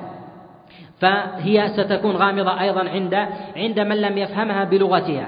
فمن نظر إليها بلغتها اضطرب في هذا الأمر فكيف الذي أخذها بلغة مترجمة إلى إلى لغته؟ ثم ثمة أمور تحكمه في هذا الأمر كحاكم الأعراف والتقاليد وحاكم أيضا آه، الدين وحاكم السلطة ونحو ذلك. فتجد كثير من كثيرا من الليبراليين الشرقيين يدعو إلى الليبرالية في هدم الدين.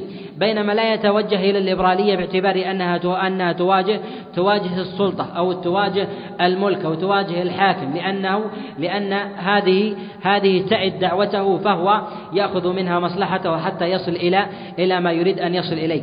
ومن الأمور المهمة أيضا أنه ينبغي أن يعلم أن الليبرالية بنفسها الغربي لم تكن وصلت إلى ما وصلت إليه على حالها التي وصلت إلى انحلال تام في أمور الماديات وكذلك في أمور الأخلاقيات. وهدم كثير من أو أصول وفروع الشرائع السماوية ما وصلت إلى ما وصلت إليه إلا على سبيل التدرج إلا على سبيل التدرج بالأخذ من الأصول الغربية من الحرية والليبرالية شيئا فشيئا فأخذوا يتوسعون في أمور حب الذات والمساواة والحرية والنظرة المادية قسطا وشيئا فشيئا يبنون فرعا ويبنون عليه فرعا آخر حتى وصلوا إلى ما وصلوا إليه. كذلك يريد كثير ممن يدعو إلى الليبرالية من المشرقيين أن يسلكوا ذات الطريق. وينبغي أن يعلم أن الليبرالية الغربية التي بدأت باعتمادها أصلا في حياة الناس أخذت إلى ما وصل إليه الغرب على هذا النحو قرابة خمسة أو أربعة أربعة قرون حتى وصلت إلى ما وصلت إليه. والمشرقيون في دعوتهم هم في القرن هم في القرن الأول. وهم يطبقون ما يطبقه أرباب القرن الأول والقرن الثاني من من دعاة الليبرالية الغربية وهم على ذلك النسق وهم عند الليبرالية الغربية متخلفون. ولكن دعاة الليبرالية الغربية من الأوروبيين يدركون ما في ما ما يوجد في زمن المشرقيين من من تحديات القبيلة والأعراف والحكومات وكذلك الدين فيتدرجون معهم شيئا فشيئا ولا يفرضون عليهم. بينما إذا أردنا أن ننظر أيضا إلى ذات الليبرالية الغربية نجد أنها في بلد في بلد شرقي. الليبرالية الشرقية في بلد شرقي تختلف عن بلد مجاور له. وتجد إذا أردنا أن نرجع الليبرالي وأنه يتدين بعقيدة الليبرالي الآخر في البلد المجاور انتفى وتبرأ من ذلك. لماذا؟ لأنه أخذ الأصل العام وأخذ يطبق منه شيئا فشيئا.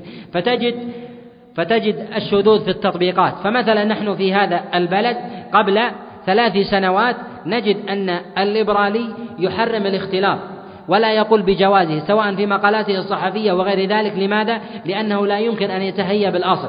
بينما تجد الآن أنه يبيح الاختلاط ومن أراد أن يصبر كتابة كتاب واحد يجد أن هذا الأمر أن هذا الأمر موجود. فهم يريدون أن يفتحوا الأبواب شيئا فشيئا حتى يصلوا إلى ما وصل إليه الغرب من التوسع في تحقيق هذه الأصول هذه الأصول الأربع.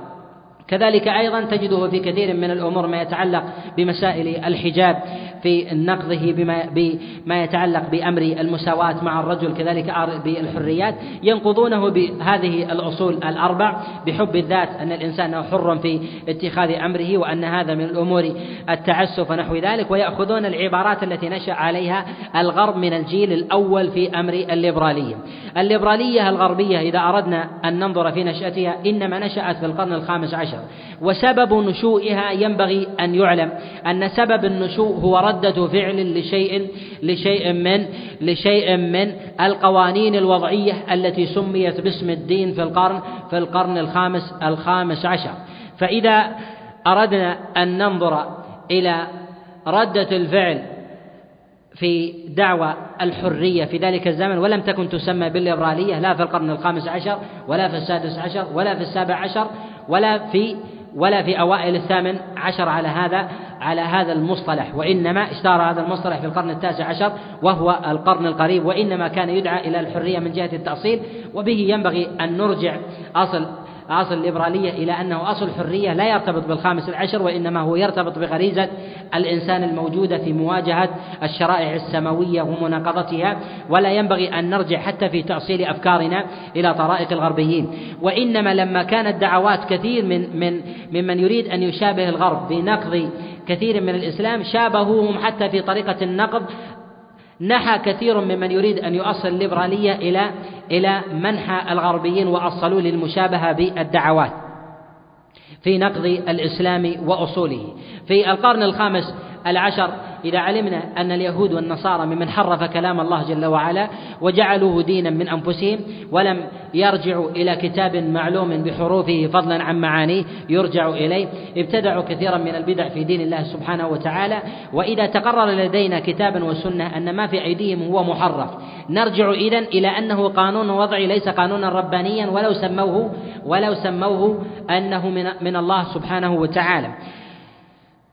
كانت الكنيسة في القرن الخامس عشر تدعو إلى هذه القوانين الوضعية التي ابتكروها إلى أنها من الله سبحانه وتعالى فأخذوا بالسطوة على الشعوب باسم باسم الله سبحانه وتعالى سواء بوضع ما يسمى بصكوك الغفران وكذلك التوبة هل لا تكون لا تكون إلا إلا على نحوهم وسلب أموالهم وكذلك حجب النظرة المادية وإغلاقها وهو الأصل الأول في ذلك الأمر.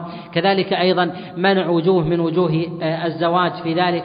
كذلك أيضا تحريم الطلاق. أن الرجل إذا تزوج امرأة لا يجوز له أن يطلق بإطلاق ونحو ذلك مما يتنافى مع الأصول التي ضبطها الشرع.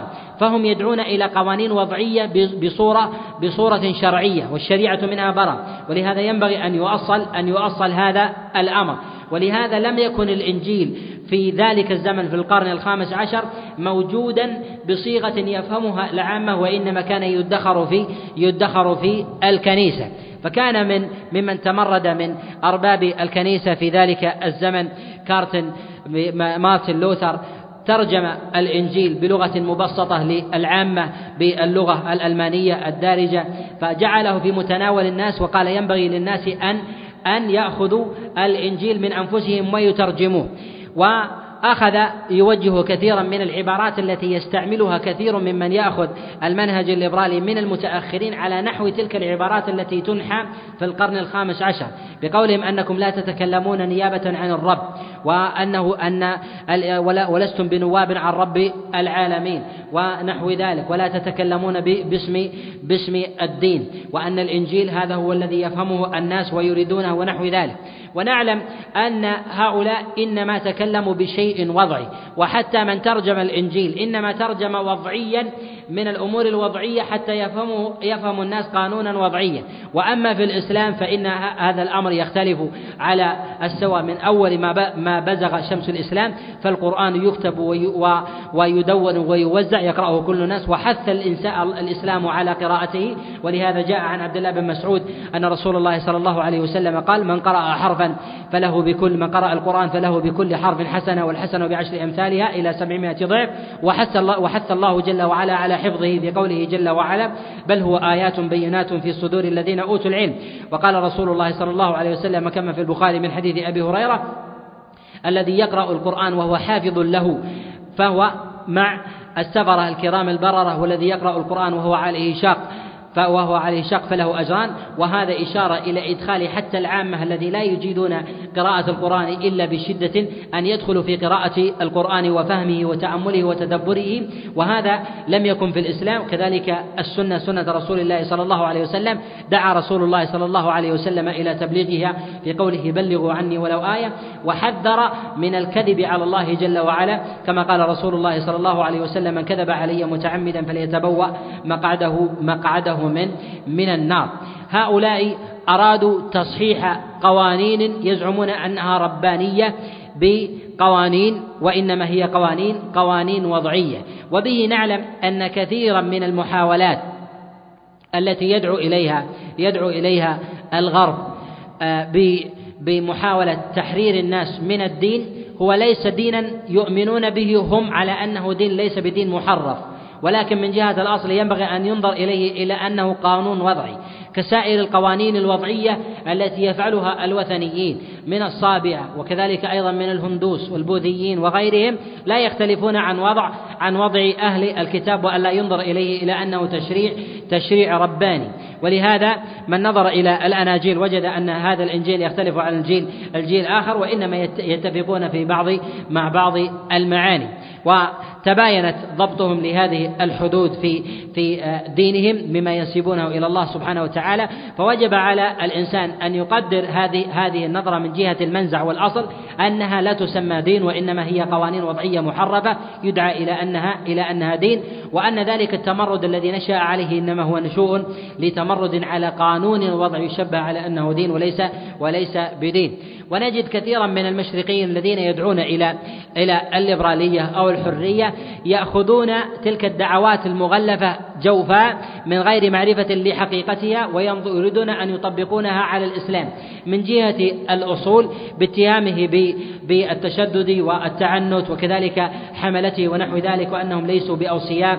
ونحو ذلك مع عدم النظر إلى أصل هذه العقيدة من جهة الأصل و كذلك أيضا من جهة الإسلام فإنها تختلف أصولا أصولا وفروعا فهم يريدون أن يأخذوا ما يتوافق مع تحقيق رغباتهم بنفس الأساليب التي يدعون يدعون إليها.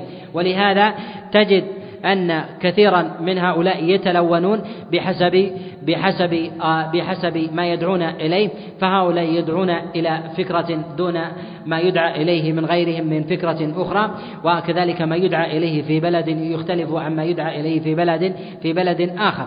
فتجد بعض بلدان المسلمين من يدعو إلى الليبرالية هو من الزنادقة الملحدين. فتجد أن أن تمسكه بالأصول العامة للليبرالية الأربعة التي تقدم الكلام عليها استغرقها وأخذها بالتمام ولم يبقى لديه من الجزئيات فأشبه بالإلحاد فأصبح ينتمي للإسلام انتماء انتماء مجردا فلا يطبق شيء من الإسلام فضعف لديه التدين في هذا الأمر. فإذا وجدت النظرية الليبرالية وهو النظرية المادية وهو الأصل الأول فإن هذا يضعف جانب الورع ويضعف جانب الزهد في الإنسان ويضعف جانب الرقابة لله سبحانه وتعالى والإيمان في القلب. فالنظرة المادية هي قاتلة لعمل القلب في الإنسان. ولا يمكن للإنسان أن يسلك طريق الليبرالية والحرية على نحو على على طريقها العصري إلا وتجد جانب التعبد يضعف لديه. وهذا تلازم. فتجد فتجد أنه يبدأ بالتقصير في أمر الصلاة من جهة سنن الرواتب ثم الفرائض ثم ثم التقصير في أركان الإسلام حتى حتى يدع يدع العبادات في الكلية فتجد أن أنه ثمة تلازم. ولهذا نجد أن الليبرالية هي تعمل على هدم القلب بأصلين.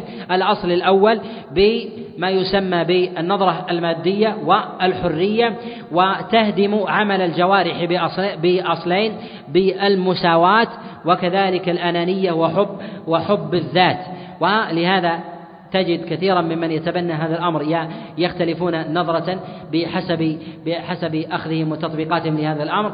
وقد وجد بسوء فهم كثير من المشرقيين لهذه الأصول ما يسمي دعوته بالليبراليه الليبراليه الإسلامية أو ما يسمى بالعصرانية ونحو ذلك. وهذه دعوات ليست بجديدة أيضا فقد وجدت من نحو قرن في في مصر. ممن كان من أهل الديانة والصلاح ممن أخذ تلك النظريات العائمة فوجدها لم تكن منضبطة من جهة الأصل لدى الغربيين وإنما أخذها كقواعد فأخذ يبحث سبرا في كتب السنة وكتب السير وكذلك في القرآن أمثلة وأدلة على أي وجه كان حتى تتفق مع هذا الأصل. فتجد تأصيلا للحرية كيفما اتفق وتأصيلا للمساواة كيفما اتفق. من غير نظر لتأصيل العلماء المحررين من معرفة الناسخ والمنسوخ من معرفة العام والخاص والمطلق والمقيد.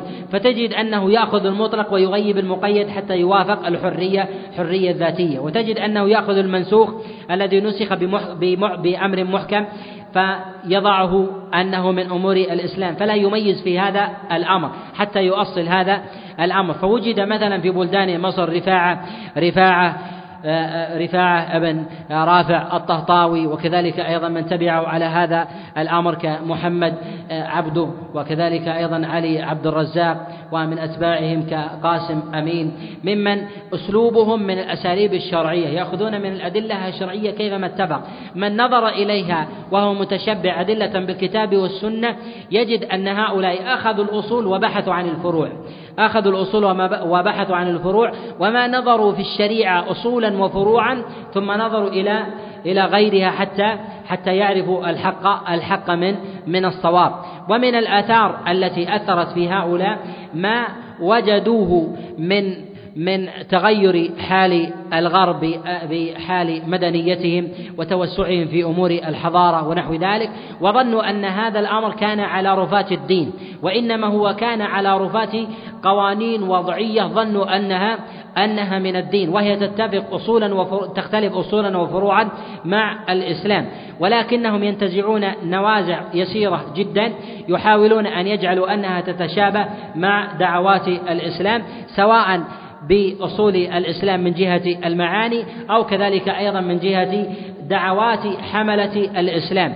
فتجد مثلا من نظر في دعوات الذين تمردوا على تلك القوانين الكنسية في أوروبا نظروا إلى التهم التي وجهوها للكنيسة أن هؤلاء نواب عن الله سبحانه وتعالى وينبغي أن نفسر الإسلام بتفسيرنا الخاص أن نفسر الدين بتفسيرنا الخاص وأن هؤلاء حرموا أشياء مباحة وهم إنما حرموا أشياء بمحض إرادتهم فرية على الله.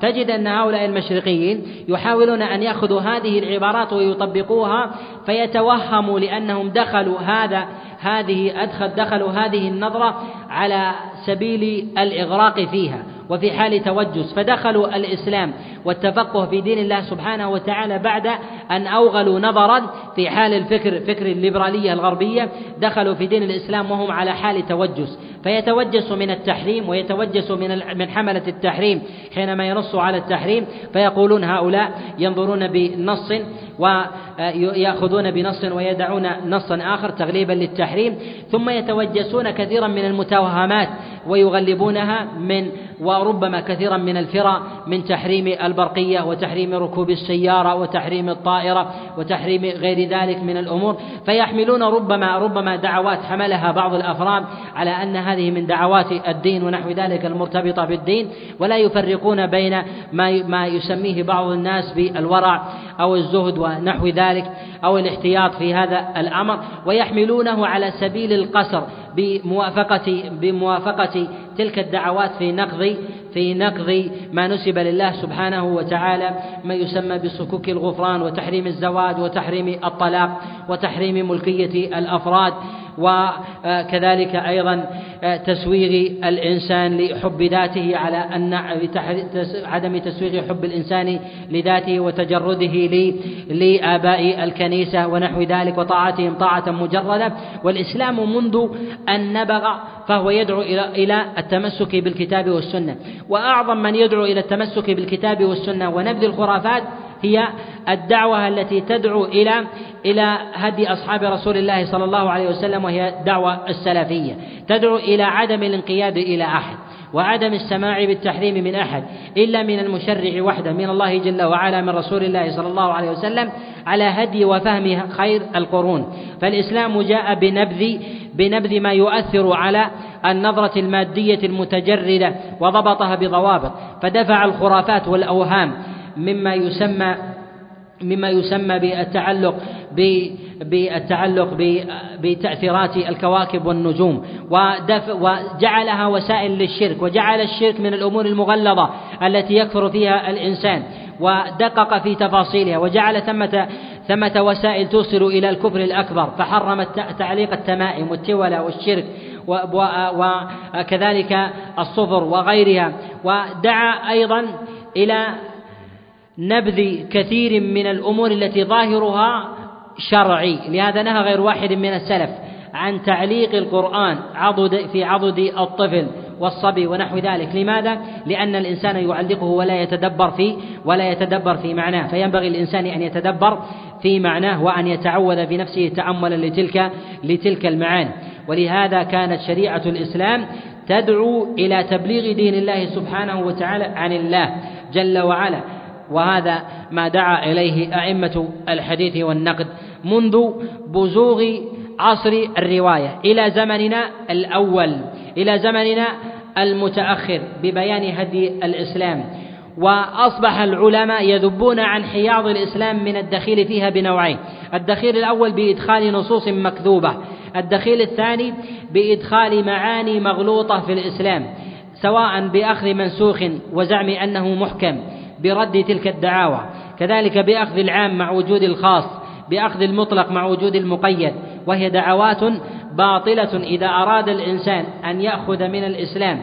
ما يريد أن يوافق تلك الدعوات الغربية أراد الإنسان أن يأخذ من من العام ويلفق معه من الأمور الخاصة. ما يتفق على ذلك النحو فيصبح الإنسان حينئذ من جملة من جملة الزنادقة في هذا في هذا الباب.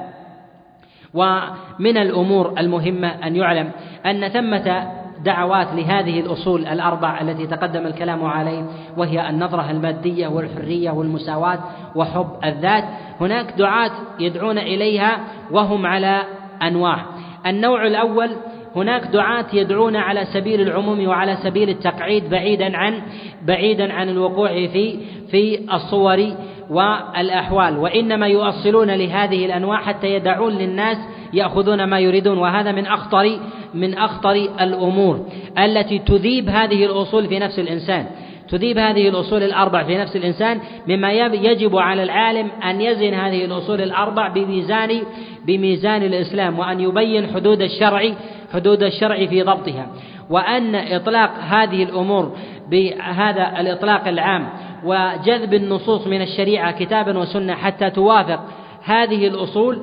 ثم بعد ذلك يقوم الفئة تقوم الفئة الثانية التي تدعو إلى الأفراد بالترويج لوقائع الأعيان متكئين على ترويج تلك الأصول هذا من أعظم من أعظم الشر. لهذا يجب على العلماء أن يعرفوا أنه ينبغي تأصيل الأصول كما أنه ينبغي توضيح الفروع وتبيينها.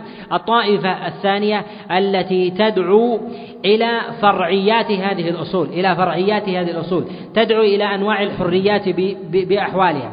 ولهذا نجد كثيرا ممن أوغل في هذا الأمر ممن ينتسب إلى الإسلام بالدعوة إلى حرية الأفراد باختيار أحوالهم ولهذا جاء من يدعو إلى تحريم تحريم تعدد الزوجات وكذلك حرية الحجاب وكذلك أيضا إباحة الاختلاط وإباحة خلوة المرأة بالرجل إشارة إلى إلى الرقابة الذاتية وحرية الإنسان ومساواة الرجل بالمرأة. وثمة من يمهد لهذا هذه الأصول العامة بمدح الأصول هذه العامة وتأصيلها وجذب الألفاظ العامة من الشريعة تأصيلا لها. فكأن هؤلاء نواب ويصنعون مظلات عامة لهؤلاء الفرعيين الذين يدعون لهذه الفروع. وثمة من يدعو وأوغل في مسائل الاعتقاد فيدعو إلى أن إلى حب الغير وعلى الإطلاق ومساواة ومساواة الناس وأنهم سواسية كفار ومسلمون ذكور وإناث ونحو ذلك. فأوغلوا في هذا في هذا الأمر. حتى أنهم لا يكفرون اليهود والنصارى. ودعا إلى هذا من المنتسبين إلى العلم العلم من المسلمين. ودعا إلى هذا كثير ممن تبنى هذا الأمر ممن ممن من من المغاربة الشرقيين كعلي عبد الرزاق وكذلك أيضا محمد عبده وقاسم أمين وغيرهم الذين دعوا إلى إلى أن الناس سواسية وأنهم يحق يحق للإنسان أن ينتقل من الإسلام إلى غيره وأنها كلها حق وأن هذه حرية ذاتية وأمرها إلى الله جل وعلا. وهؤلاء يمزجون كثيرا من الأصول ببعضها ويتداخل بعضها مع بعض بحسب العبارات التي التي ينتقونها. لهذا نعلم أن هذه الدعوات على النوعين السابقين دعوات عامة وهي خطيرة أيضا بذكر هذه الأصول ومدحها وجذب النصوص التي تدعو إليها.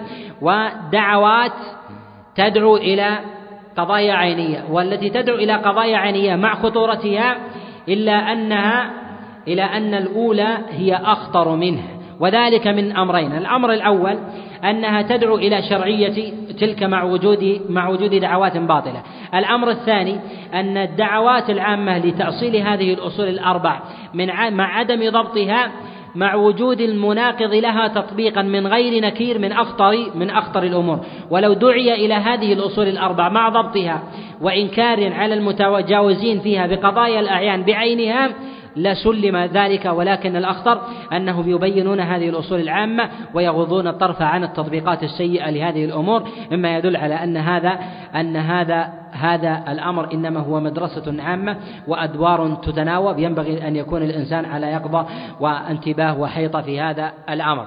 لهذا إذا اتضح هذا الأمر ينبغي أن يعلم أن أن الواجب على العالم في مقابل هذا التيار أو هذا الفكر الغربي سواء بتأصيله الغربي أو تأصيله الشرقي وإن قلنا أنه فضفاض غامض.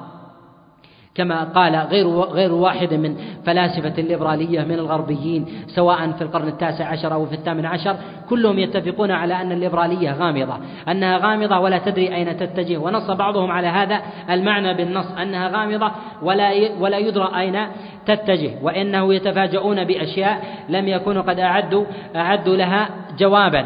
هذا على النحو يدعى إليه في في المشرق. من الأمور المهمة في هذا الأمر أن تؤصل الليبرالية الغربية وتضبط وأن لا تترك فضفاضة.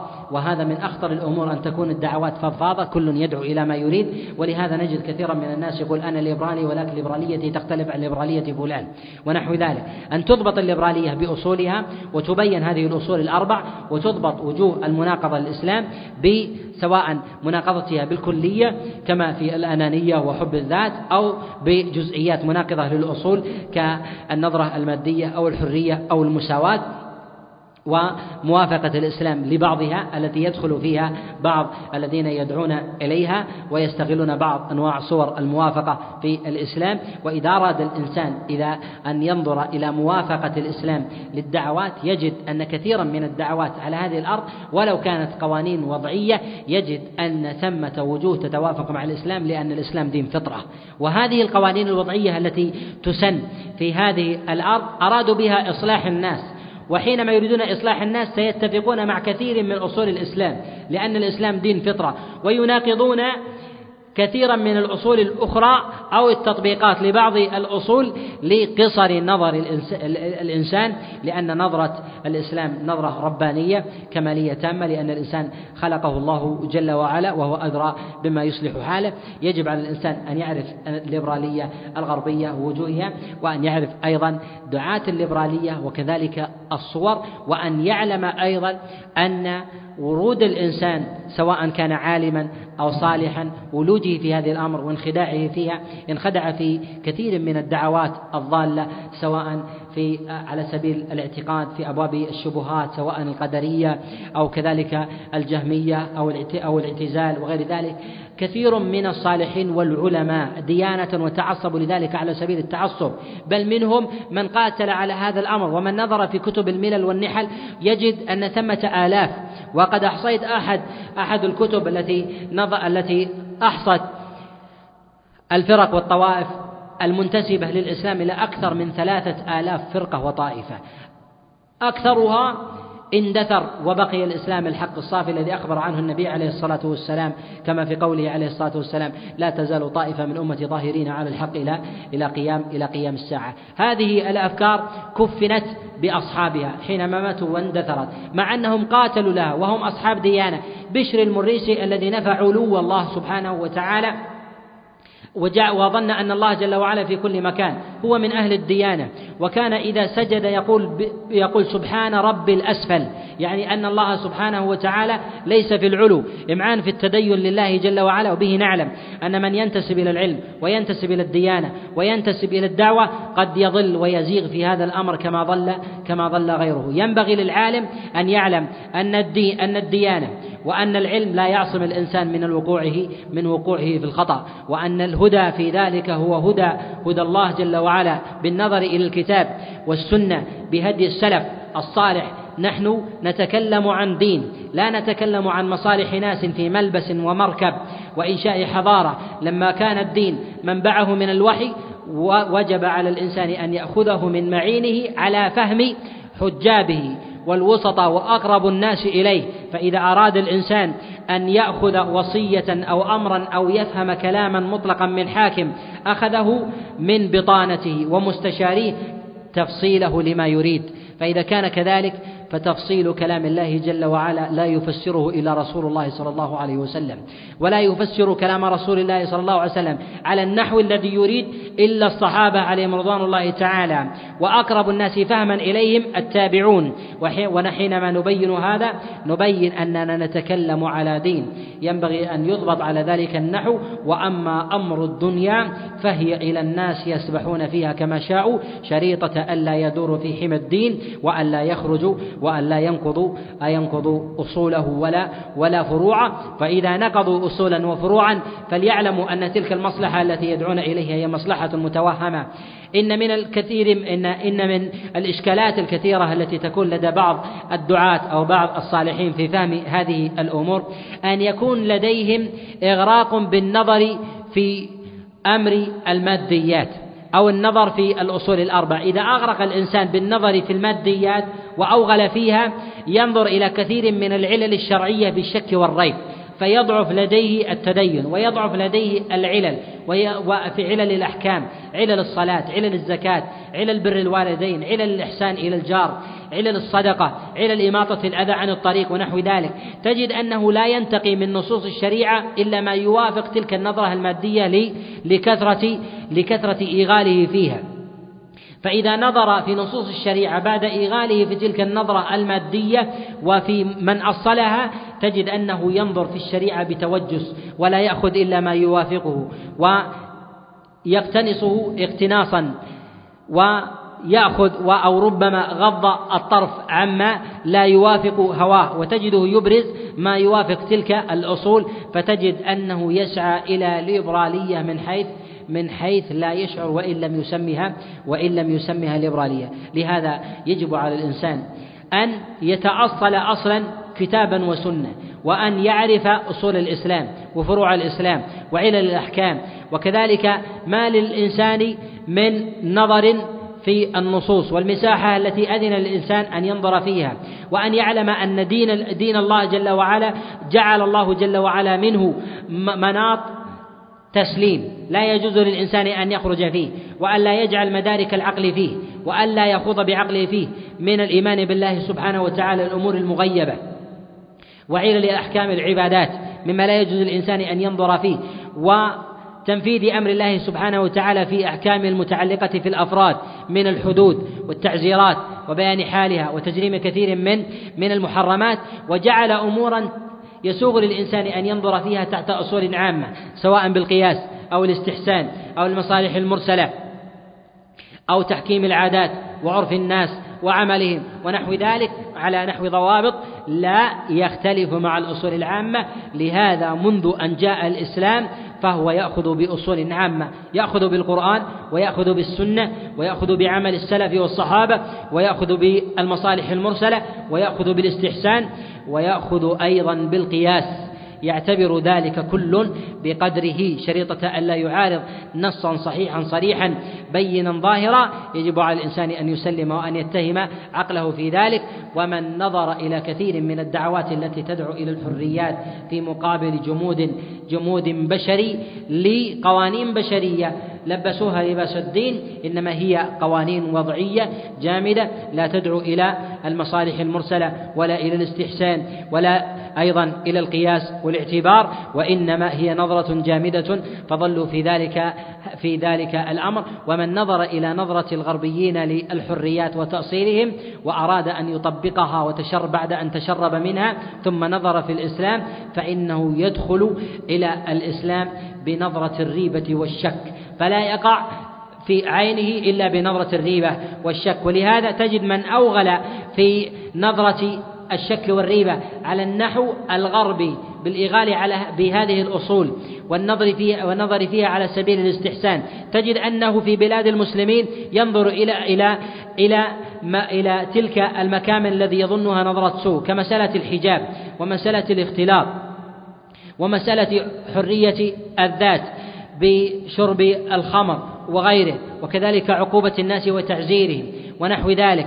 فتجد أنه يأخذ هذه الأشياء بنظرة ريبة ويتعامل معها تعامل ريبة ولا ينظر إلى تطبيقات الغربيين لكثير من من تلك الأصول الأربع التي أثرت عليهم من تفككهم في أحوالهم بنقض أمور اجتماعهم. وكذلك انعدام النصيحة الأمر بالمعروف والنهي عن المنكر صلة الأرحام بر الوالدين الرفادة إكرام الضيف إغاثة المحتاج على سبيل الأفراد لا على سبيل الدول والمنظمات وغير ذلك. وهذا إذا أراد الإنسان أن ينظر إليه على سبيل التطبيق يدرك الانحراف في الأصول بإطلاقها. وإذا أراد الإنسان أن ينظر إلى أحوال من نظر في أصول الغربيين يجد أنه نظر في الأصول وما نظر في الفروع والتطبيقات. وغض طرفه عن التطبيقات فإنه يعرف نقض الأصول بنقض الفروع وكذلك يدرك أيضا نقض الفروع بتسيب عدم ضبط الأصول. بهذا القدر كفاية وأسأل الله جل وعلا أن يجعلني وإياكم من الموفقين وممن يستمع القول ويتبع أحسنه وأن يهدني وإياكم إلى الصراط المستقيم. هو الولي والقادر على ذلك وصلى الله وسلم وبارك على نبينا محمد. ما تقدم الكلام عليه لا, لا نجيب عليه وربما بعض من أتى ببعض الأسئلة لم يتبين له ما تكلمنا فيه أو كان على سبيل العجلة ينبغي أن يرجع يرجع إليه فهو فهو مسجل. يقول ما هو السبيل الأمثل لمقاومة المقالات الصحفية اليومية التي تطعن بالدين وحملته وأصوله وشرائعه؟ كثير من المقالات إذا أراد الإنسان أن ينظر إلى إلى الليبرالية الشرقية وأراد أن ينظر إلى ما يسمى بالليبرالية السعودية يجد أنهم يتملصون من الليبرالية وهم يؤصلون لها وهم وهم يؤصلون لها. والليبرالية في كتابات الصحافة هي فضفاضة وغامضة وليس لها تأصيل. ليس لها تأصيل معين. عند الفرد أو عند الكاتب بذاته فضلا عند عند غيره. من معالجة هذه الأمور ببيان الحق على سبيل التأصيل العام كذلك أيضا بيان تناقضات هؤلاء الكتاب وهذا من الأمور المهمة وهذا هذا ما بينه الله سبحانه وتعالى في قوله جل وعلا نفصل الآيات ولتستبين سبيل المجرمين. أي تفصيل الحجج والبينات حتى يستبين طريق الهالكين. هذا من الأمور المهمة. لهذا بين الله جل وعلا أن بيان الطريق هو سبيل المجرمين سبيل أهل الغواية والضلال والانحراف وهذا من الأمور المهمة. معالجة الأفكار مهم ومعالجة أيضا الأفراد من الأمور المهمة. وكذلك أيضا بيان مراتب الضلال والانحراف في التأصيل الانحراف في التطبيق ونحو ذلك. كثير من المقالات وأيضا الندوات أو اللقاءات التي يدعى إليها في في في زمننا هي تؤصل للليبرالية ولكن لا تسمى الليبرالية بطريقة ماكرة. الليبرالية الشرقية هي هي ليبرالية شهوانية ليست ليبرالية شهوات. تختلف عن الليبرالية الغربية. الليبرالية الغربية هي ليبرالية شبهات. أما الليبرالية الشرقية هي ليبرالية شهوات يريدون أن يصلوا إلى غرائز لأنهم يرون النصوص أمامهم. لهذا تجد أن النصوص الشرعية واضحة بينة ليست لا يمكن أن يتمرد عليها الإنسان إطلاقا إلا أن يأتي برأي شاذ يفسره بتفسير لا يمكن أن يتسق مع لغة العرب ولا يمكن أن يتسق مع العقل.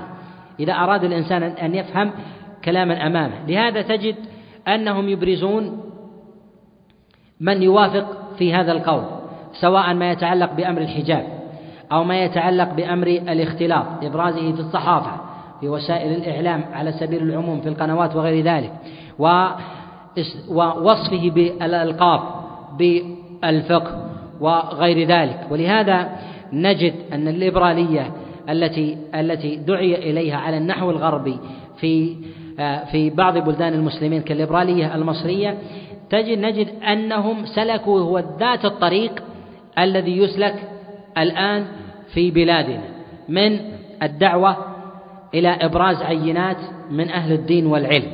كما أبرز كما أبرز مجموعة سواء في أبواب الأدب كطه حسين وأسديت عليه الألقاب بأنه عميد عميد الأدب ونحو ذلك أو ما يسمى بمحمد عبده وهو شيخ الأزهر وكذلك علي عبد الرزاق وهو شيخ الأزهر وإبرازهم. ومحمد عبده كانت السلطة سلطة ال ال الاحتلال تجعله مبرزا وفي وجه كل رأي من الدين يريد أن يأتي بقول يؤتى به أنه هذا هو العالم الأوحد الذي يريد أن أن يبين الحق وهؤلاء إنما هم متعدون على الدين. فهؤلاء يضربون الدين بالدين. ومن هو المحتل الذي قدم محمد عبده؟ هو هو من الإنجليز الذين احتلوا احتلوا مصر ممن لا يدين بالإسلام أصلا فهو يضرب يضرب مسلما أو عالما بعالم. وليعلم أن إبراز عينات تنتمي للدين أو تنتمي للعلم أن هذا من المكائد التي يسعى إليها لخداع العامة وإضعاف وكذلك فت عضد أهل العلم والدين في هذا الأمر. ولهذا نجد من يتكلم في أبواب الاختلاط نجد من يتكلم في أبواب في أبواب الحجاب. لا على سبيل الأصول الأربع من النظرة المادية أو الحرية أو المساواة أو حب الذات لا يؤصلونها على هذا الأصل لأنهم يريدون هذا النقض الآن. نقض هذا الأمر ثم بعد ذلك يتبنى ويدرج ضمن الأصل وإنما ينقض بالدين بانتزاع أدلة على أي وجه كان. كما انتزع في, في ابتداء هذا الأمر رفاعة الططاوي وهو عميد آه، التبديل آه، بتبديل آه، العلم في هذا الأمر وهو ممن درس الدراسة الشرعية في الأزهر ودرس الفقه ويرد الأدلة تأصيلا للليبرالية الغربية في أوساط في أوساط المجتمع المصري. وهذا ما يراد الآن في بلادنا. فظهر من يتكلم على الاختلاط وتبنى هذا الأمر آه، ممن ينتمي إلى الدين أو ينتمي إلى القضاء وتبعه على ذلك أيضا كثير من الدعاة يريدون التشريع لهذا الأمر سواء كانت لهم مطامع ذاتية أو كان لهم أو ليس لهم مطامع. والأغلب أن ثمة مطامع في هذا الأمر وينبغي أن يعلم أن هذا الأمر من مما ينبغي وجوه وجوبا مواجهته وربطه بطرائق أهل الضلال والزيغ ممن سبقونا في هذا الأمر. وأن يعلم أيضا وأن يبين أن الرجل الصالح أو الرجل العالم الذي يراد به أن تخترق ديانات العامة وعقول الناس أشد خطرا من من الفاسق أو الماجن أو الكاتب الصحفي الذي ليس له من الدين شيء. هؤلاء أخطر من غيرهم. ولهذا زلة العالم الذي يتكلم فيها بعلم أعظم بأعظم من زلة ويخطئ أعظم من زلة من زلة غيره من الناس. لماذا؟ لأنه يعد على أنه قدوة. هذه البلاد لا يمكن أن تخترق إلا عن طريق الدين وباسم الإسلام. أن يمهد الطريق للنظريات العقلية المحضة عن طريق دين. وهذا ما دعا إليه أرباب النظريات أنهم يقول أن البيئة بيئة المسلمين خاصة في مراكز الإسلام في في في الشرق أنه يصعب اختراقها بنظريات عقلية وإنما لابد بالإتيان بعينات حتى تظهر هذا الأمر. عينات تتبنى رأي معين فإذا انتهوا طوي بساطهم ثم يؤتى بعينات بعينات أخرى حتى يظهروا هذا الأمر حتى يظهروا هذا الأمر للناس فيضعف في هذا الأمر. وأرى أن ما حدث في في مصر يختلف عنه في بلادنا ففي مصر وإن وجد مقاومة لتلك الدعوات لكنها ضعيفة جدا في زماننا الكفة آه، تختلف تماما. كفة متوا... الكفة قوية كفة أهل الحق في بيان الحق. كذلك أيضا البنابر لم تكن بأيدي أهل الحق من جهة منابر الجمع. كانت تتخذ السلطة في كبح بيان أهل الحق وكبح جماحهم. لم تكن بأيديهم الصحافة لم يكن لديهم في المذياع ولا التلفاز وغير ذلك. يختلف عن زمننا. لهذا الحرية موجودة في بيان الحق في التلفاز وفي الإذاعة وكذلك أيضا في الصحف وهذا في قليل جدا وبوسائل الإعلام أيضا ما يسمى بالإنترنت وغير ذلك. هذا من الأمور التي لم تكن موجودة لدى بعض الدول التي وصل إليه وصلت إليه هذه هذه الدعوات. وينبغي أن يعلم أن كثيرا ممن يتبنى هذه الدعوات مما يؤكد أنها شهوة وليست شبهة أنهم لا يألون جهدا بتشويه المناقضين والمناوئين لهم.